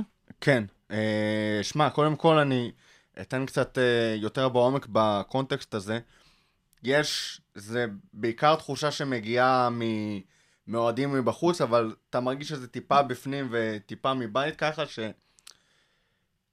כאילו החגיגות והמטרה לכאורה של אה, אוהדי ליברפול הייתה לקחת אליפות. אה, זה לא נכון. בשורה התחתונה, האתגר הגדול והמטרה האמיתית של המועדון זה לחזור לאיפה שהיינו ב-70's וב-80's, שזה ניו דיינסטי, ממש ככה. כן, כמו ששנקלי אמר, הוא אמר שהרעיון שלו זה לבנות את ליברפול כמבצר בלתי ניתן להכנעה, ואם לנפוליאון הייתה את המחשבה הזאת שהייתה אז לשנקלי, אז הוא היה כובש את העולם המזורגג, The Bloody World, והוא רצה שליברפול תהיה בלתי ניתנת להשגה, בלתי ניתנת להכנעה, ולבנות את ליברפול למעלה למעלה עד שבסוף כולם יצטרכו להיכנע. אה, זה, מי שרוצה לשמוע את זה בקול של ביל שנקלי, זה ככה רועד לך בנימי נשמתך הל- הליברפולית. וזה מה שקלופ ו-FSG והמועדון והאוהדים והעיר אה, שואפים לחזור אליו. אני לא יודע אם אפשר להגיע לאותה, לאותה רמת דומיננטיות כמו ב-80's אה, בכדורגל המודרני. אנחנו מדברים על ליברפול זוללת תארים ב... בצורה פסיכית. אה, שלוש צ'מפיונס בכמה זה היה גיא? שבע שנים? אה, כן. ארבע. ארבע בשבע. ארבע בשבע שנים. אה, אליפויות על ימין ועל שמאל, באמת היה, היו כמה? 18 שנה? 13 ב-18 שנה, ולמעט עונה אחת גם סיים את המקום שני. אתם כן, מסכימים איתי שלקחת ארבע אליפויות וצ'מפיונס עכשיו בטווח של עשור זה מטורף לקבוצה אנגלית, כאילו. זה מטורף לכל מועדון. כאילו, לא. חוץ מביירן וכאלה. צ'מפיונס? אליפות, לא, אליפות כל שנה. אה, אליפות. אז יש לך תואר גדול בערך כל שנה, וגם אם לא תיקח פתאום אליפות, תיקח צ'מפיונס, יש עכשיו אה, מצב שביירן גם לקחה טראבל. אבל כקבוצה אנגלית, תסתכל גם על סיטי, גם על יונייטד, גם צ'לסי ששלטו בעשור האחרון, זה לקחת יותר משלוש אליפויות נגיד בעשור, זה מטורף. אה, לקחת צ'מפיונס, נגיד ארבע, למ- או זה למי או זה. שלא מבין, בין 1973 ל-1991, ליברפול סיימה או במקום הראשון או במקום השני, כל עונה. בכל עונה, למעט עונה אחת שבה לקחנו צ'מפיונס. ובדרך היינו צריכים לעבור את ביירן וריאל. כן. אה, בין 11 אליפויות בשנים האלה, אין שליטה דומיננטית כזאת, אז כזה דבר לא יהיה. אז כזה דבר ככל הנראה ובכל זאת למה שואפים. לא אפשרי בכדורגל המודרני, עם הרבה יותר מועדוני על והרבה יותר כסף. אבל שואפים לחזור באמת ל... למועדון שהוא... שהוא טייטל קונטנדר, אולי לא כל שנה, כל שנה, אבל בתשע עונות מתוך, אה, מתוך עשר, עם איזושהי עונת מעבר כזאת, בין אה, שושלת אחת לשנייה, למועדון שלוקח 2, 3, 4 אליפויות בעשור, אה, שזה נראה לי, 4 מבחינתי זה הכי ריאלי ל...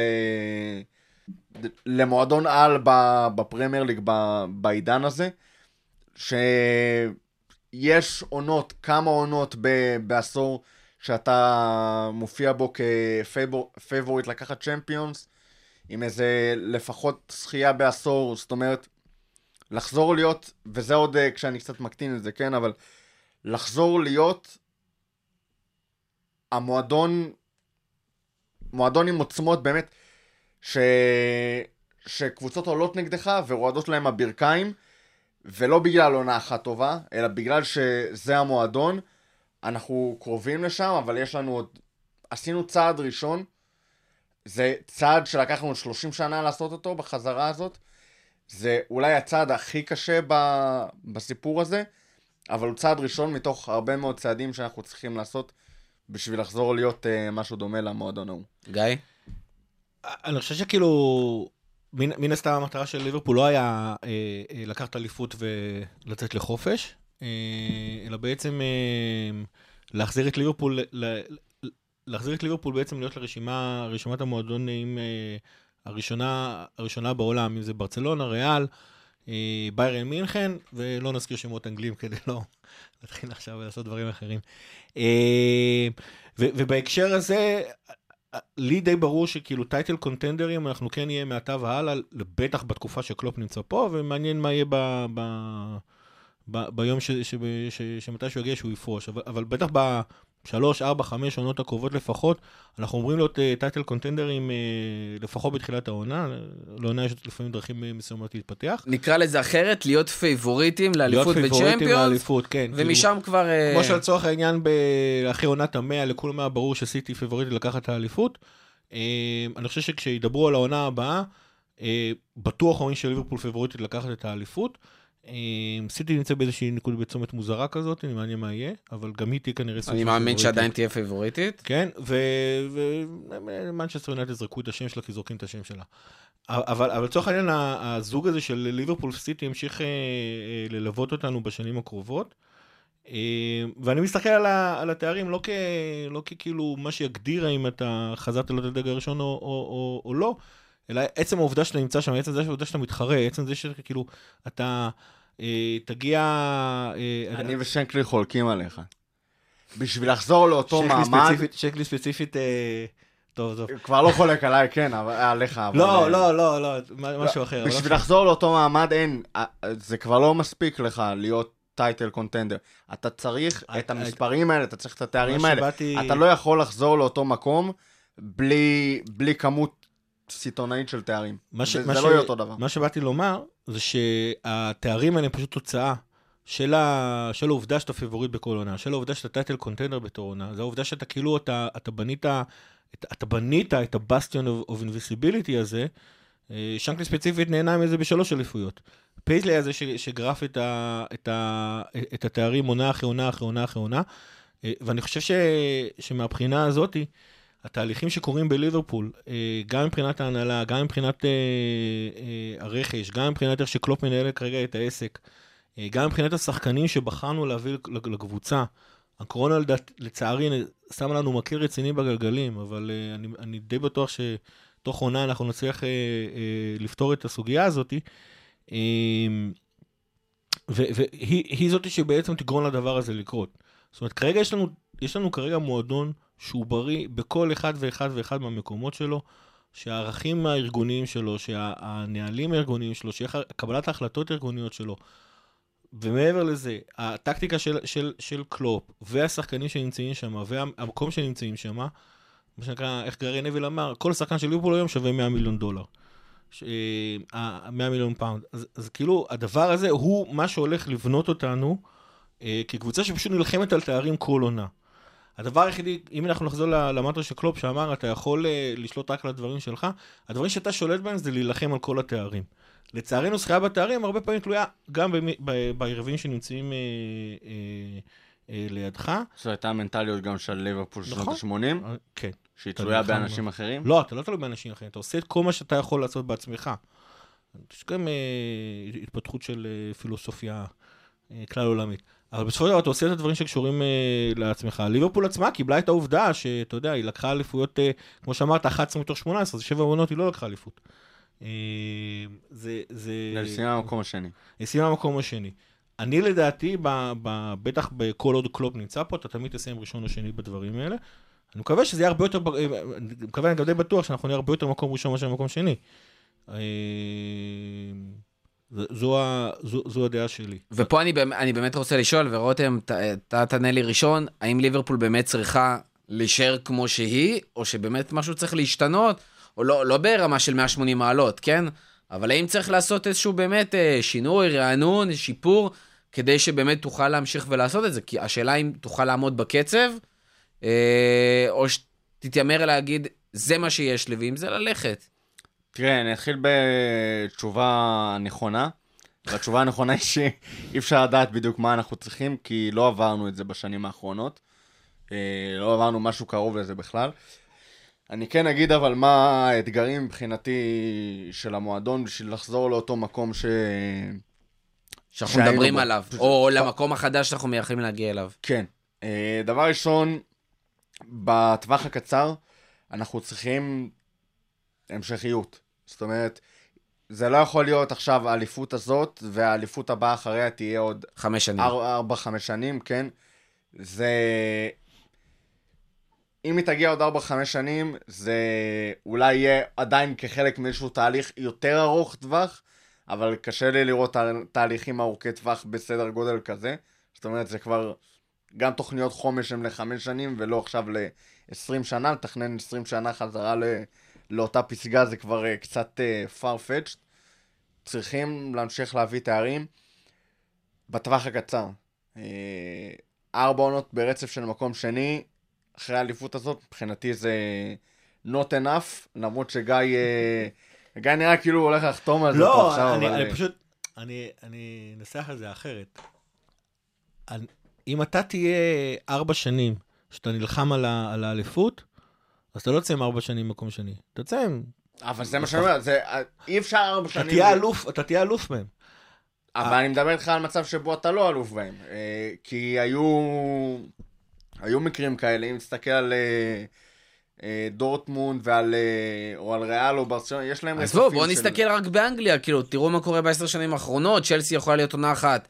קבוצה מטורפת, עונה שנייה כבר לא שם, עונה שלישית בכלל לא לא, לדבר, גם יורד מדבר על למקום ארבע שישי. עונות של אה, המשכיות של... אה, לא של עולה יורדת, עולה יורדת מהמאבק על האליפות, אלא המשכיות של מאבק על, על האליפות. לא, אבל אני שואל, עזבו. עזבו את ה statement, אני שואל מלכתחילה, איך אפשר בכלל לייצר את הדבר הזה, אם צריך לייצר, זאת אומרת, האם באמת מה שיש לנו מספיק בשביל להמשיך בקצב הזה, וכל שנה באמת להיות מקום ראשון, שני ולקחת באמת תארים, או האם בשביל הדבר הזה, למקרה ואנחנו רוצים לראות את זה קורה, ואנחנו רוצים לראות את זה קורה, ואנחנו מייחלים לזה, יכול להיות אולי שמה שיש עכשיו לא מספיק, כי לזכות בפעם הראשונה אחרי 30 שנה זה אחלה, לזכות פעם ראשונה מאז שקלופ הגיע באליפות זה אחלה, אבל לזכות פעם שנייה זה כבר לא נראה אותו דבר, כמו שמע. שלזכות בצ'מפיונס, עונה אחרי עונה פתאום, בעונה פעם שנייה זה לא אותו דבר. יש פה, יש הרבה אנשים אה, במועדון שיש להם אה, מה להוכיח מהבחינה הזאת.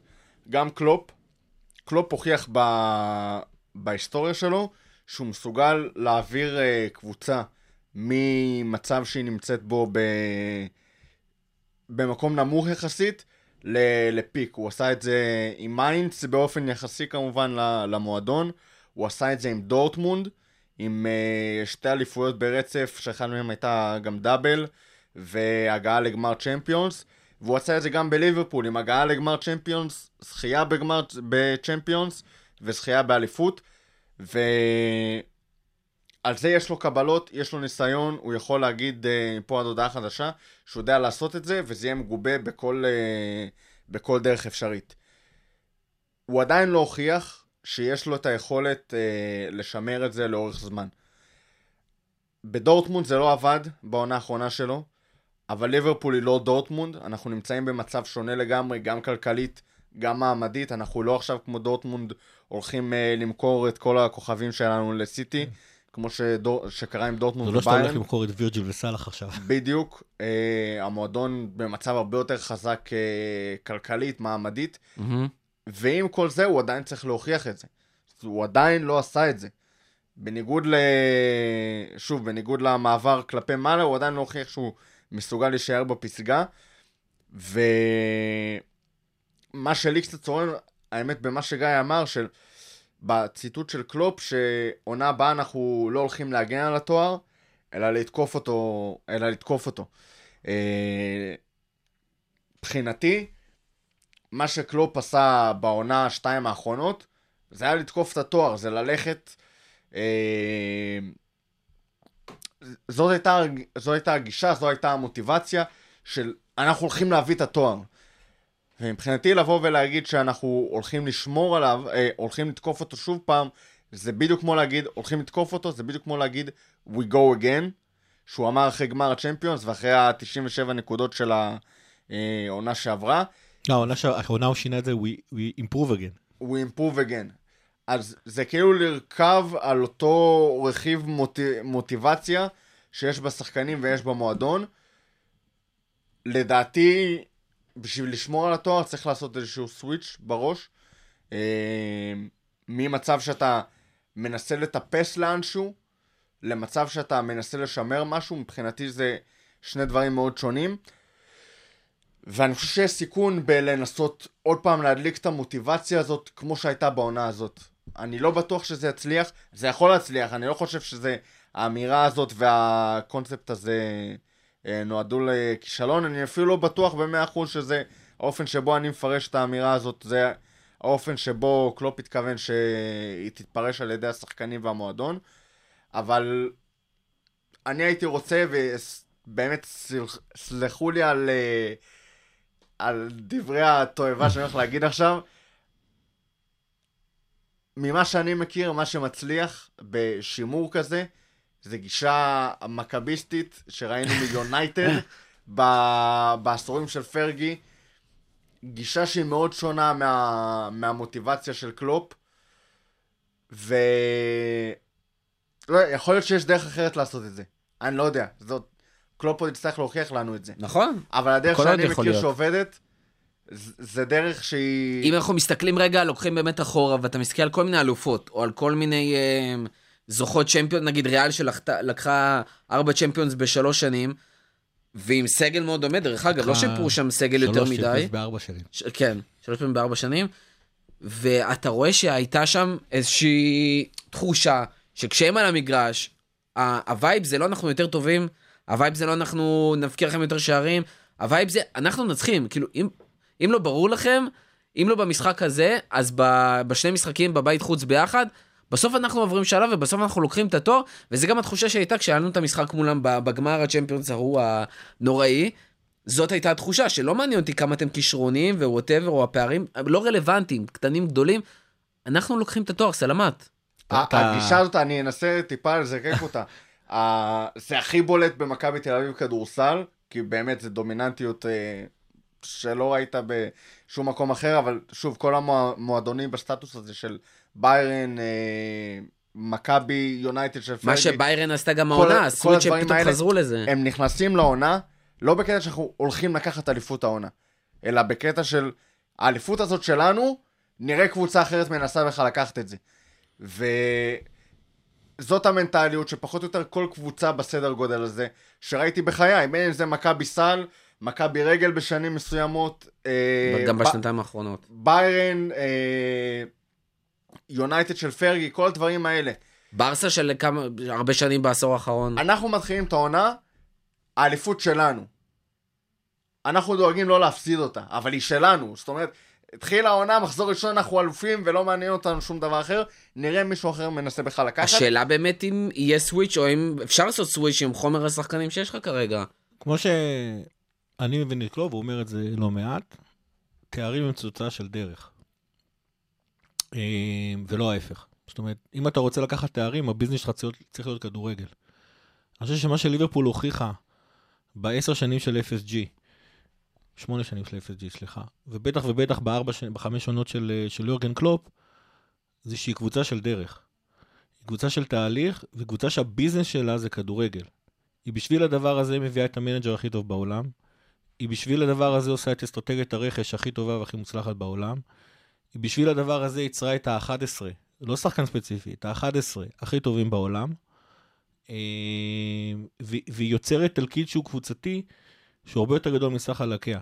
אה, אני רוצה- לומר לכם, מבחינתי, זאת אחת הסיבות שכאילו, זה, זה חזרה למסורת של שנות ה-80. גם ליברפול של שנות ה-80, נכון, בארנס כולם רצו אותו, נכון, דגליש כולם רצו אותו. אבל כמו ששנקלי אמר על כדורגל, בכדורגל אתה צריך אה, שלושה, שלושה שחקנים שיודעים לנגן בפסנתר, ושמונה שחקנים שיסחבו את ה-bloody thing הזה. אה, ואני חושב שכאילו, הרבה מהשחקנים של ליברפול, גם אז וגם היום, זה לא היו שחקנים שכאילו, אני חושב שאם תלכו היום לשנות ה-80, תקחו אנשים שלא נגני שנייה. אני מסכים. נכון, אבל כיום הכדורגל הוא שונה. פעם הכדורגל באמת היה שלושה שחקנים ושמונה שסוחבים אותו. אני חושב שגם אם תל- אם תלכו, תשאלו אנשים של שנות ה-80 שהם לא אוהדי ליברפול ותבקשו מהם להרכיב את ה-11 של אותה עונה, אני לא יודע כמה חוץ מדלגליש ורש נכנסים שם לתוך, ה... לתוך הרשימה, והם טועים אגב. אני חושב שגם היום מבחינת השחקנים שלנו, וזה מה שאני מאוד מאוד אוהב בשחקנים שלנו, כל אחד ואחד מהשחקנים שכש- ש- שהגיע לליברפול, כולל וירג'יל שאמרו, "מה- איך לעזאזל שילמתם 75 מיליון פאונד על השחקן הזה, זה לא שחקן שלכאורה כל אירופה רצתה אותו, או שבמקרה של וירצ'ל הבינו את המחיר. ו...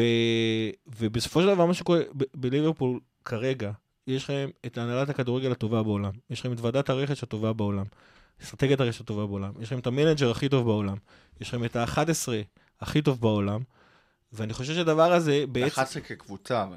כן, כן, כקבוצה. אני לא... לא מפקפק. השחקנים הכי טובים בעולם, אלא אני ההרכב חושב, כהרכב, כתלכיד. אני חושב שחוץ מווירג'יל ואליסון, והנדו במידה מסוימת, אבל, אבל בדברים שהם לא כדורגל טכני נטו, אה, יש לא מעט שחקנים שאם היית מביא אותם במקום מי שבסוף הגיע, היו מצליחים באותה מידה. אה, למעט אולי סאלח, העונה הראשונה של סאלח בקבוצה, שזה באמת היה כאילו... התהליך, כל התהליכים האלה, כל הדברים האלה, הם, הם בסופו של דבר יהיו חלק מהמטרה של הקבוצה, של להחזיר את ליברפול להיות בדרג הראשון לאירופה, של להחזיר את ליברפול שהיא כל עונה קונטנדרית, גם בצ'מפיונס וגם, בליג, וגם בפרמייר ליג, ו- וכל הדברים האלה הם אלה שבנו את הקבוצה. עכשיו זה נכון שמבחינה מנטלית, נכון, אחרי, אבל- אחרי, ש, שנייה, אחרי, שסיימ, אחרי שהגעת לאליפות, שזה כאילו היה, אתה יודע, גולת הכותרת, בטח במועדון כמו ליברפול, אז עכשיו השחקנים חוטפים, חוטפים איזשהו קטרזס מסוים, שבמידה מסוימת ראינו אותו נגד סיטי, ואתה צריך, ואתה צריך לשמור על הרעב. וככה אני מתרגם את המנטרה החדשה של קלופ לעונה הבאה. הוא לא רוצה שהם אה, יקפאו על השמרים וישמרו על האליפות. לא, הוא רוצה שהם יחזרו עם רעב.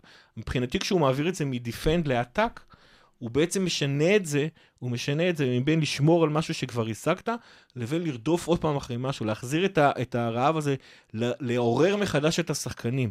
כשאתה יוצא להתקפה אתה הרבה יותר מעורר מאשר כשאתה מגיע. ככה אני מבין את המשפט שלו, וזה הטוויקים השונים. אני חושב שמה שליברפול בנתה בארבע שנים האחרונות זה מועדון בריא, זה עם uh, עקרונות בריאים, זה גם עם טקטיקה בריאה, כן, זה לא רק, uh, כאילו אני בעיקר דיברתי על, uh, על הדברים הניהוליים והארגוניים, אבל בסופו של דבר, כמו שדיברנו על הטקטיקה של ליברפול, גם היא מאוד מבוססת, גם היא מאוד גמישה.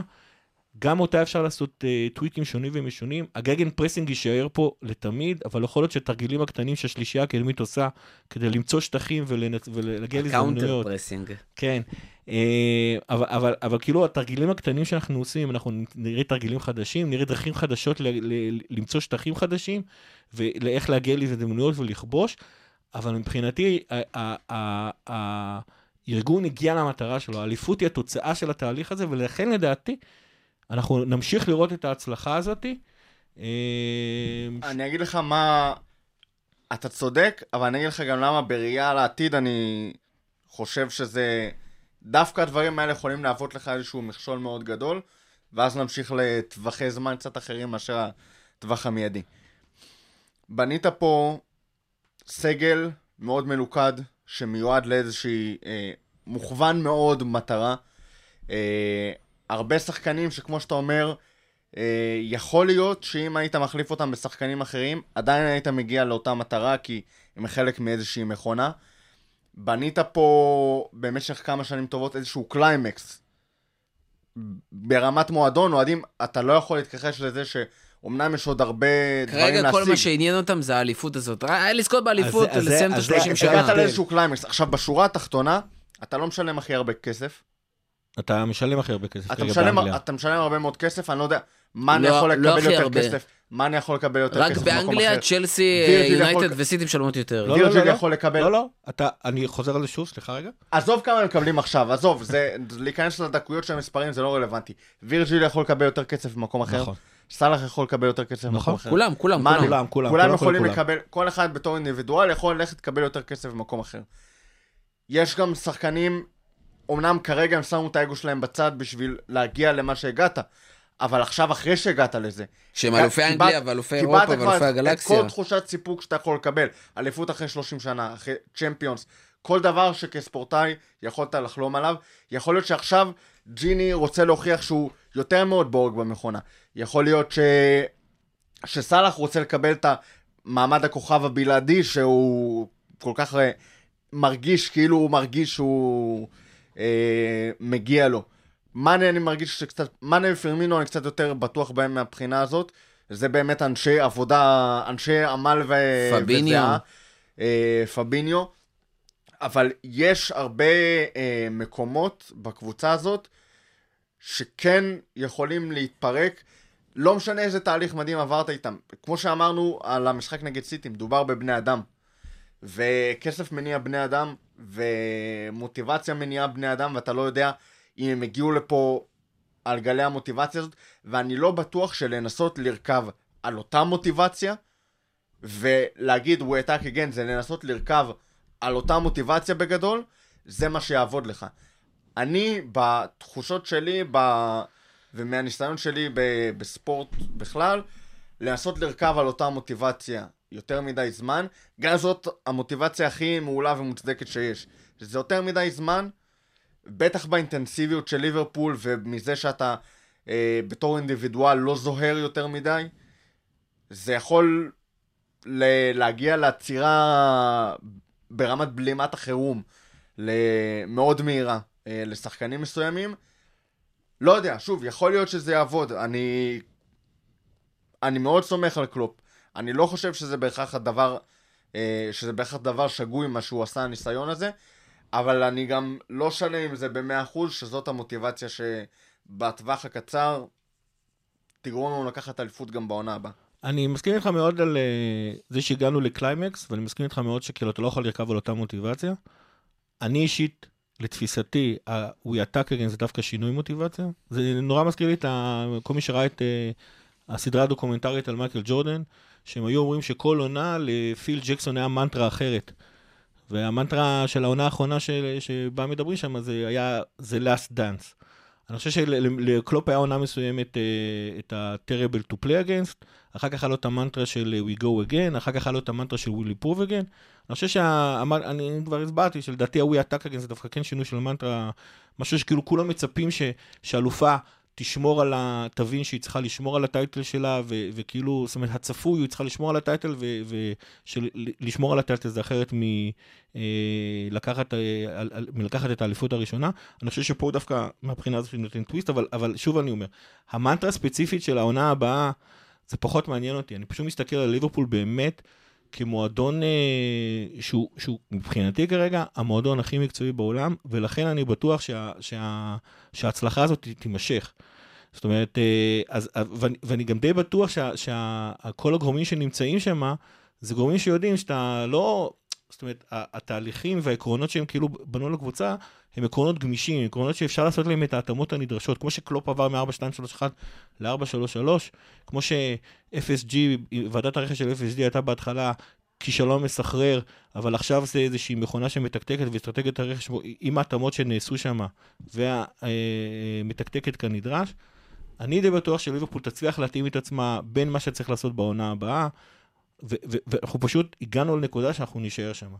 זה, זה בוא נדבר שנייה רגע על העונה הבאה, אנחנו באמת פשוט קצרים בזמן, ואני כן רוצה את, ה, את הנקודות שלכם. האם אנחנו באמת עדיין, למרות הקורונה, עם הקורונה, כל הדברים האלה, האם אנחנו הולכים לראות משהו קורה בקיץ כדי להתאים את עצמנו לעונה הבאה, לזה שאנחנו באים בכל זאת עדיין להגן על התואר, לתקוף מחדש, שינויים שיכולים לקרות בסיטי, כי מה שקרה בעונה האחרונה, כי צ'לסי מתחזקת, כי יונייטד נכנסת עכשיו לאיזשהו סוג של... אה, אה, לא יודע איך לקרוא לזה, לא, לא, לא טירוף, אבל אה, לקצב כזה, לקצב גבוה. יונייטד נכנסת לתסמונת סיום עונה בלי... כן, אבל שוב, נגיד וזה גם ממשיך לעונה הבאה, איך ליברפול, האם, והאם ליברפול עושה משהו בזמן הקרוב? כמשל אני אקח, אבל רק כמשל אני אקח את סיפור ורנר, לדעתי ליברפול מאוד רוצה, מאוד רוצה לעשות רכש. יש שמה עומד מאחורי הרכש הזה? התאמה, שינוי? קודם כל, קודם כל, ד, ד, ד, אם. אתה... אם אתה לא עושה רכש, אז מה שנקרא עונה אחת זה היה נחמד, אתה כאילו, אה, אתה, זה המשך של תהליך, זה קונסיסטנטיות, זה, זה הכל טוב ויפה. אם אתה לא עושה רכש לאורך זמן, יש, יש, יש קטע של סטגנציה. דרך אגב, בלי שינויים בכלל בהרכב לעונה כן, הבאה, כן. זה עונה שלישית ברצף עם אותו אותה, 11. שזה אותם שחקנים, שזה, אה, יש סיכוי ללסטגנציה, שחקנים מתבגרים, אה, פציעות, כושר, עניינים, טה-טה-טה-טה.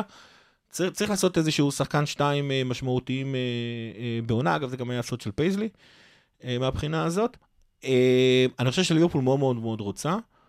יש מצב שהפגיעה של הקורונה מבחינה כלכלית לא מאפשרת לליברפול להביא, להביא שחקנים שמתאימים לאסטרטגיית הרכש. ו... ואז או שהם ייאלצו להתפשר על אסטרטגיה, זאת אומרת לא לקחת שחקן שמתאים ב-100% לכל ה... לא שחקן שעושה טיקים לכל 100% מהצ'קבוקסים, אלא רק לחלק מהם, ויכול להיות שזה רלוונטי לשמועות שאנחנו שומעים עכשיו. או, ש, או שבאמת היא תישאר אה, טהרנית בהקשר הזה של, של הרכש, ו, ואז נראה... הם הבטיחו לנו אבל קיץ שקט. אני, אני, אני ניסיתי לנתח עוד פעם בגסות. די, היה דיבור על שני שחקנים שאמורים אני ציפיתי להגיע. לשני שחקנים... כרגע אה, אומרים שלא יגיע ב- שום שחקן כן, משמעותי. נכון. שמע, אני ציפיתי אני- לשני שחקנים בסדר גודל של ורנר, ורנר ועוד אחד ב-50 מיליון עם משכורת דומה. עכשיו אני לא רואה את זה קורה. אני אענה לך על הטווח הקצר דווקא בתשובה מתחכמת שהולכת לטווח הבינוני ארוך. כמובן. כמובן. למרות שלגיא יותר מתאים. שמע, דיברנו פה קודם על הטווח הקצר. בטווח הבינוני ארוך, המטרה של ליברפול היא, כמו שאמרנו, לחזור לאותה מפלטת זוללת תארים, ואתה, בשורה התחתונה, אתה עושה את זה קודם כל על ידי התחזקות כלכלית. והגעה, לא קורונה, אה, הגעה לטופ הפיננסי, שאנחנו עדיין לא שם. אה, זאת הדרך שלך באמת לקחת אליפויות לאורך עשור, שני עשורים, דברים כאלה, זה להיות בטופ מהבחינה הזאת. ובשביל להגיע לזה, צריך להתנהג כלכלית נכון כל הזמן, ולא להסתכל נטו על הטווח הקצר. עד כמה שזה נורא מפתה לקחת אליפות גם בעונה הבאה, וכולנו רוצים את זה, כן. זה לא בהכרח אה, להתאבד על זה ברכש אה, מסוכן כרגע בתקופת הקורונה, בחוסר ודאות כלכלית, זה לא בהכרח המהלך הנכון לחמש, שלוש, ארבע, חמש שנים הבאות, וזה מה ש-FSG כל הזמן חושבים עליו. השלוש, ארבע, חמש שנים הבאות, ולא נטו העונה הבאה. בגלל זה אני חושב שבגלל שהמטרה של FSG זה להחזיר אותנו לאותו סטטוס שהיינו בו, סטטוס שהיינו בו ב-70's וב-80's, הם לא מתאבדים על הטווח הקצר, וכמו שאמרתם, הסיכוי שנראה פה באמת החתמות כאלה הן מאוד נמוכות. מה שמתאים לקלופ לעשות, וזה מה שהוא כבר עשה בעבר, וזה מה שהסימנים מעידים שהולכים לעשות, שהולך להיעשות, זה להביא את הרענון הזה מבפנים, כי יש הרבה מאוד שחקנים שמוכנים מוכנים להתפוצץ, אם זה קייטה, אם זה אוקס שראינו מה הוא מסוגל לתת ומאז הפציעה הוא לא הצליח לתת עדיין, אם זה מינאמינו, אם זה קרטיס ג'ונס, ארווי אליוט, נקו וויליאמס, יש לך הרבה שחקנים, כל אחד בדרגת בשלות שונה, כן? לא כולם אה, יכולים לתת אה, fight להרכב בעונה הבאה. או אפילו לעשות סוג של אוריגי, כאילו, שנתן עונה שעברה, שגם לא בטוח שהשחקנים האלה לגמרי יכולים לתת. כן, אבל עם היכולות של קלופ, ושוב, נטו מניס- מניסיון עבר, לפחות אחד מהשחקנים האלה אמור לעשות עונה הבאה, קפיצת מדרגה כן. משמעותית תחת קלופ. אה, ההימור שלי זה קרטיס ג'ונס, שלי. זה אה, קייטה. של קייטה, קייטה, אוקיי. שעה טובה, אה, אמן. אם יישאר כשיר, אפילו אוקס, על אותו תקן מבחינתי. אם יישאר כשיר, כנ"ל. ואני חושב שהאסטרטגיה, שוב, לאור הקורונה, זאת לא האסטרטגיה המועדפת, אבל לאור הקורונה ובראייה קדימה, זה יהיה אולי להביא איזשהו עומק קצת לעמדות נורא בעייתיות כמו מגן שמאלי, אה, שאין לך אז שום פתרון, לא על הספסל, לא בשום מקום. לא, יש לך פתרון, אבל אין לך שחקן טבעי. אין לך פתרון, עזוב, מילנר, אה, לא, לא, מגן שמאלי אתה מילנר חייב, כבר לא- לא עושה את העבודה גם הזאת. בלם רביעי. גם לא מבחינת כשירות, גם לא מבחינת אה, מהירות. אה, מילנר זה לא פתרון באמת להחזיק בתור מגן שמאלי, בטח שלא ג'ו גומז בתור מגן שמאלי. אלוהים ישמור אותי. אה, אין לך או כרגע. מגן גם ימני, זה גם בסדר. כן, בתור מגן. אה, בתור בלם הוא מעולה למרות משחק הבלהות שהיה לו נגד סיטי, אבל אין לך פתרון למגן שמאלי, אתה צריך להביא את זה. אה, יכול להיות שנראה שינויי רענון מתוך שחקנים קיימים ב-11, שיצטרכו לתפקד בתור, בצורה שונה. אה, אלה הפתרונות ש... שאני חושב שנראה, וזה הפרופיל רכש שנראה. לא, וגם צריך להבין, זה שכאילו, הם, הם יוותר, אם, אם הם יוותרו שזה לא יהיה 100% מהצ'קבוקסים, אנחנו לא נרד ל-50% מהצ'קבוקסים, אנחנו נרד ל-80-90.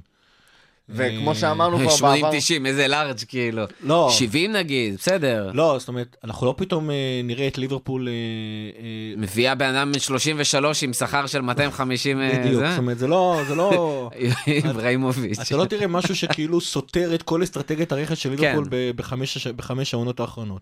אתה עושה אדפטציה חד פעמית לטובת... שקירי אה, כזה, אולי יותר יקר, אבל אתה תראה שקירי כזה. שקירי זה כבר חלק מה... זה בסדר. הוא גם מקרה ספציפי שפשוט לא עבד.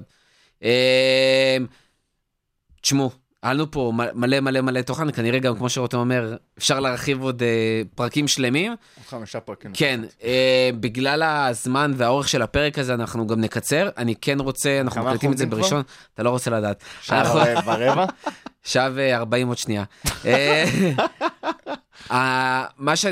בסדר, נארגן lineup, עכשיו כבר שומעים את זה בדיעבד, אבל אה, אנשים שומעים את זה עם lineup. אה, לקראת סיטי, אנחנו מקליטים את זה בראשון בצהריים, אה, סיטי, סליחה, וילה, היום בערב, זה לא יהיה סיטי, כנראה, יכול להיות שיש שם שחרור סטייל. אברטון ו- ופאלאס. אתם רואים את זה כמשהו באמת שחרור כזה, או לא יודע. שממשיכים, או שהם עדיין יעלו שיכורים? כל משחק, כל משחק מההתחלה מהקורונה נראה אחרת, עם- שכאילו המטרות שלו היו נראות אחרות, והרצונות שלו היו נראות אחרות. תלוי מה יעלה, אם הוא יעלה עוד פעם עם ההרכב הראשון, יעלה עם. נקו, אם הם עולים, הרכב אם פותח? הוא עולה הרכב ראשון. אה, רגיל? כן, אז אנחנו נותנים להם בראש, כי כנראה כולם קיבלו בעיטה בתחת, גם, גם מקלופ וגם עצמאית, עצמית כאילו של, של, של עצמם. אה, יש לי, יש לי תחושה אבל, שדווקא בגלל שהוא אמר שזה לא, שזה לא פייר לתת למדליות רק אז הוא יתחיל זה, לשתף אז דווקא זה? יתחיל, הוא יתחיל לגרום לצעירים להגיע לחמש. האם כהרכב ראשון הם מחליפים? לא יודע. צריך להכין את ה... לא אמרנו יודע. שיש שחקנים שצריכים לעשות קפיצת מדרגה. נכון. הם לא יעשו את זה בשבועיים אה, פגרת קיץ שהולכת להיות או משהו כזה. נכון. וילה ברנלי וזה אחלה אבל המשחק משחקים נגד לעשות את אברטון זה. היה נראה שהוא מתייחס. כפרסיזן, ומאחר כך הוא רק שם הרכב אבל ראשון. כבר לקחת אליפות. אני כבר לא יודע. זה- שמע, כן, אני לא אתן. לך, אנחנו מקליטים לפני המשחק, אני אתן לך את התגובה שלי אחרי המשחק. וואו, איזה ניצחון סלאש הפסד. מדהימים. לא מעניין אותי, יאללה, תנו לי אליפות בעונה הבאה. אה, כן, אז אה, זה... זה גם בכלל אין מצב שזה עולה כאילו לפני המשחק, עוד יש לנו יעלה, lineup יעלה, יעלה. יש לנו timeline לעשות לפרק של שעה 40, איזה יעלה ואיזה נעליים. אה, בטח לא מספיק זמן שאנשים יאזינו לזה. אז אה, אם כבר רכבנו על גבולות אה, הפרק הארוך, אני רק... בהיסטוריה. בהיסטוריה, כן, יש מצב. אה, אני רק אסיים בלהגיד מה, מה האתגר שאותי הכי מרתק בליברפול ב- ב long run, וזה היום שאחרי קלופ. קלופ, כמו שאמרנו, ה rockstar של הקבוצה. כמו שזה נראה 20-30 שנה, הוא לא יהיה פה. אה, לא יודע, אלה התחושות שלי מכל, מהכל, הן לא לגמרי מבוססות אה, עובדתית, אף אחד לא יודע מה קורה במוחו של קלופ, אבל אני לא חושב שהוא פה ל-20-30 שנה. אה, ויום יבוא וקלופ כבר לא יהיה איתנו. אה, בקטע חיובי, כן? לא בקטע של אה, כבר לא יהיה עם אף אחד. לא יהיה מועדון הכדורגל ליברפול. וזה הולך להיות אתגר פסיכי ב... בצורה שאי אפשר לדמיין בכלל. והאתגר הזה גם לדעתי מתווה באיזשהו מקום את הדרך של אה, FSG בשנים הקרובות. אה, כי צריך להתכונן ליום הזה כבר מעכשיו באספקטים מסוימים. ראינו מה קרה כשוונגר עזב את ארסנל, למרות שהדעיכה שם התחילה לפני זה, אבל ברגע שוונגר עזב זו הייתה התרסקות אה, עוד יותר אה, טוטאלית. כשפרגי עזב, בכלל אה, היה שמח מאוד, עדיין שמח מאוד. אה, תמשיכו להיאבק על המקום הרביעי, בהצלחה. אה, המקום היחיד בעצם שראית בו שינוי מאמנים, אה, שינוי ממאמן שהוא הפרצוף של המועדון, הרוקסטאר, שהוא המועדון, אתה מרגיש שזה המועדון, שזה הלב שלו, שבו הוא עזב וזה הצליח, זה בליברפול. אותה ליברפול של שנות ה-70 וה-80 שדיברנו עליה, כש... מילן, מיסקי לקפלו. זה כבר רחוק מדי ממחוזותיי. אבל זה לפחות שאני מכיר, וגם זה אגב די ישן יחסית. כן. אה, לא, אני מניח שאם אני אחשוב... על זה. ודווקא כששנקלי עזב, שנקלי היה אה, הפרצוף ה rockstar, הגיע אחריו אה, פייזלי, זולל התארים. השקט המופנם וזולל התארים. עם כמה שאני אהיה עצוב מהיום שבו קלופ יעזוב, בתור אוהד, בתור מועדון, אני חותם עכשיו על קלופ עוזב בעוד 4-5 שנים, ואחריו מגיע סטיבי? הפייזלי, סטיבי שיהיה הפייזלי ל- לקלופ. אה, דרך אגב, אני רק חייב לזרוק איזושהי נקודה, דיברנו על זה אה, לא מעט בפרק, שגם אה, גיא אמר שקלופ התמונה בסוף, קלופ הפרזנטור של המועדון הזה, דיברנו על זה שסטיבי היה הפרזנטור עד שהוא עזב וקלופ הגיע. אחלה בן אדם אה, לחזור להיות הפרזנטור, אם לא על הדשא, על הקווים, ואחלה, אחלה, אחלה יכולת כדי לתת לשחקנים שקט ואת ה... ואפילו את ה drive שגם הביא בזמנו, לעשות את זה הפעם על הקווים, עם הידע שכבר מגישים לו על מגש של כסף. בקיצור, אין מנוס מלהפוך למועדון הכי מוצלח כלכלית ו... זה באנגליה, באמת בשביל לחזור לזה. אין, לא משנה איך, תה, איך תהפכו את זה. זה ה bottom line ליום שבו קלופ יעזוב, ל- לזלול תארים במשך אה, עשור או שניים.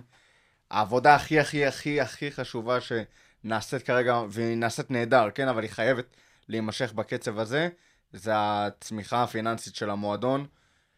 אנחנו מנסים להיות רומנטיקנים, אבל אין דבר יותר פרקטי ואין דבר עם יותר תוצאות בשטח מאשר,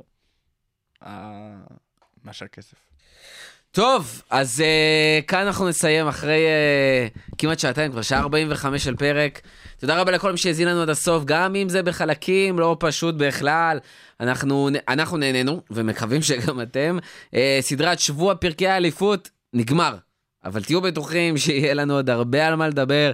לא חסר רחש בחש, לא חסר דברים טובים שיהיו, uh, והיו, שנוכל לדבר עליהם. כמו כן, גם פרק הלל לכל הסגל, עוד יקרה. אה, לא לשכוח, אנחנו גם בפייסבוק, גם באינסטה, גם ביוטיוב, לא לשכוח לעקוב, לא לשכוח אה, לעשות לייקים ולהגיב. ספרו לנו מה אתם חושבים על מה שאמרנו, מסכימים, לא מסכימים, זה בסדר. רוצים לשמוע, תכתבו.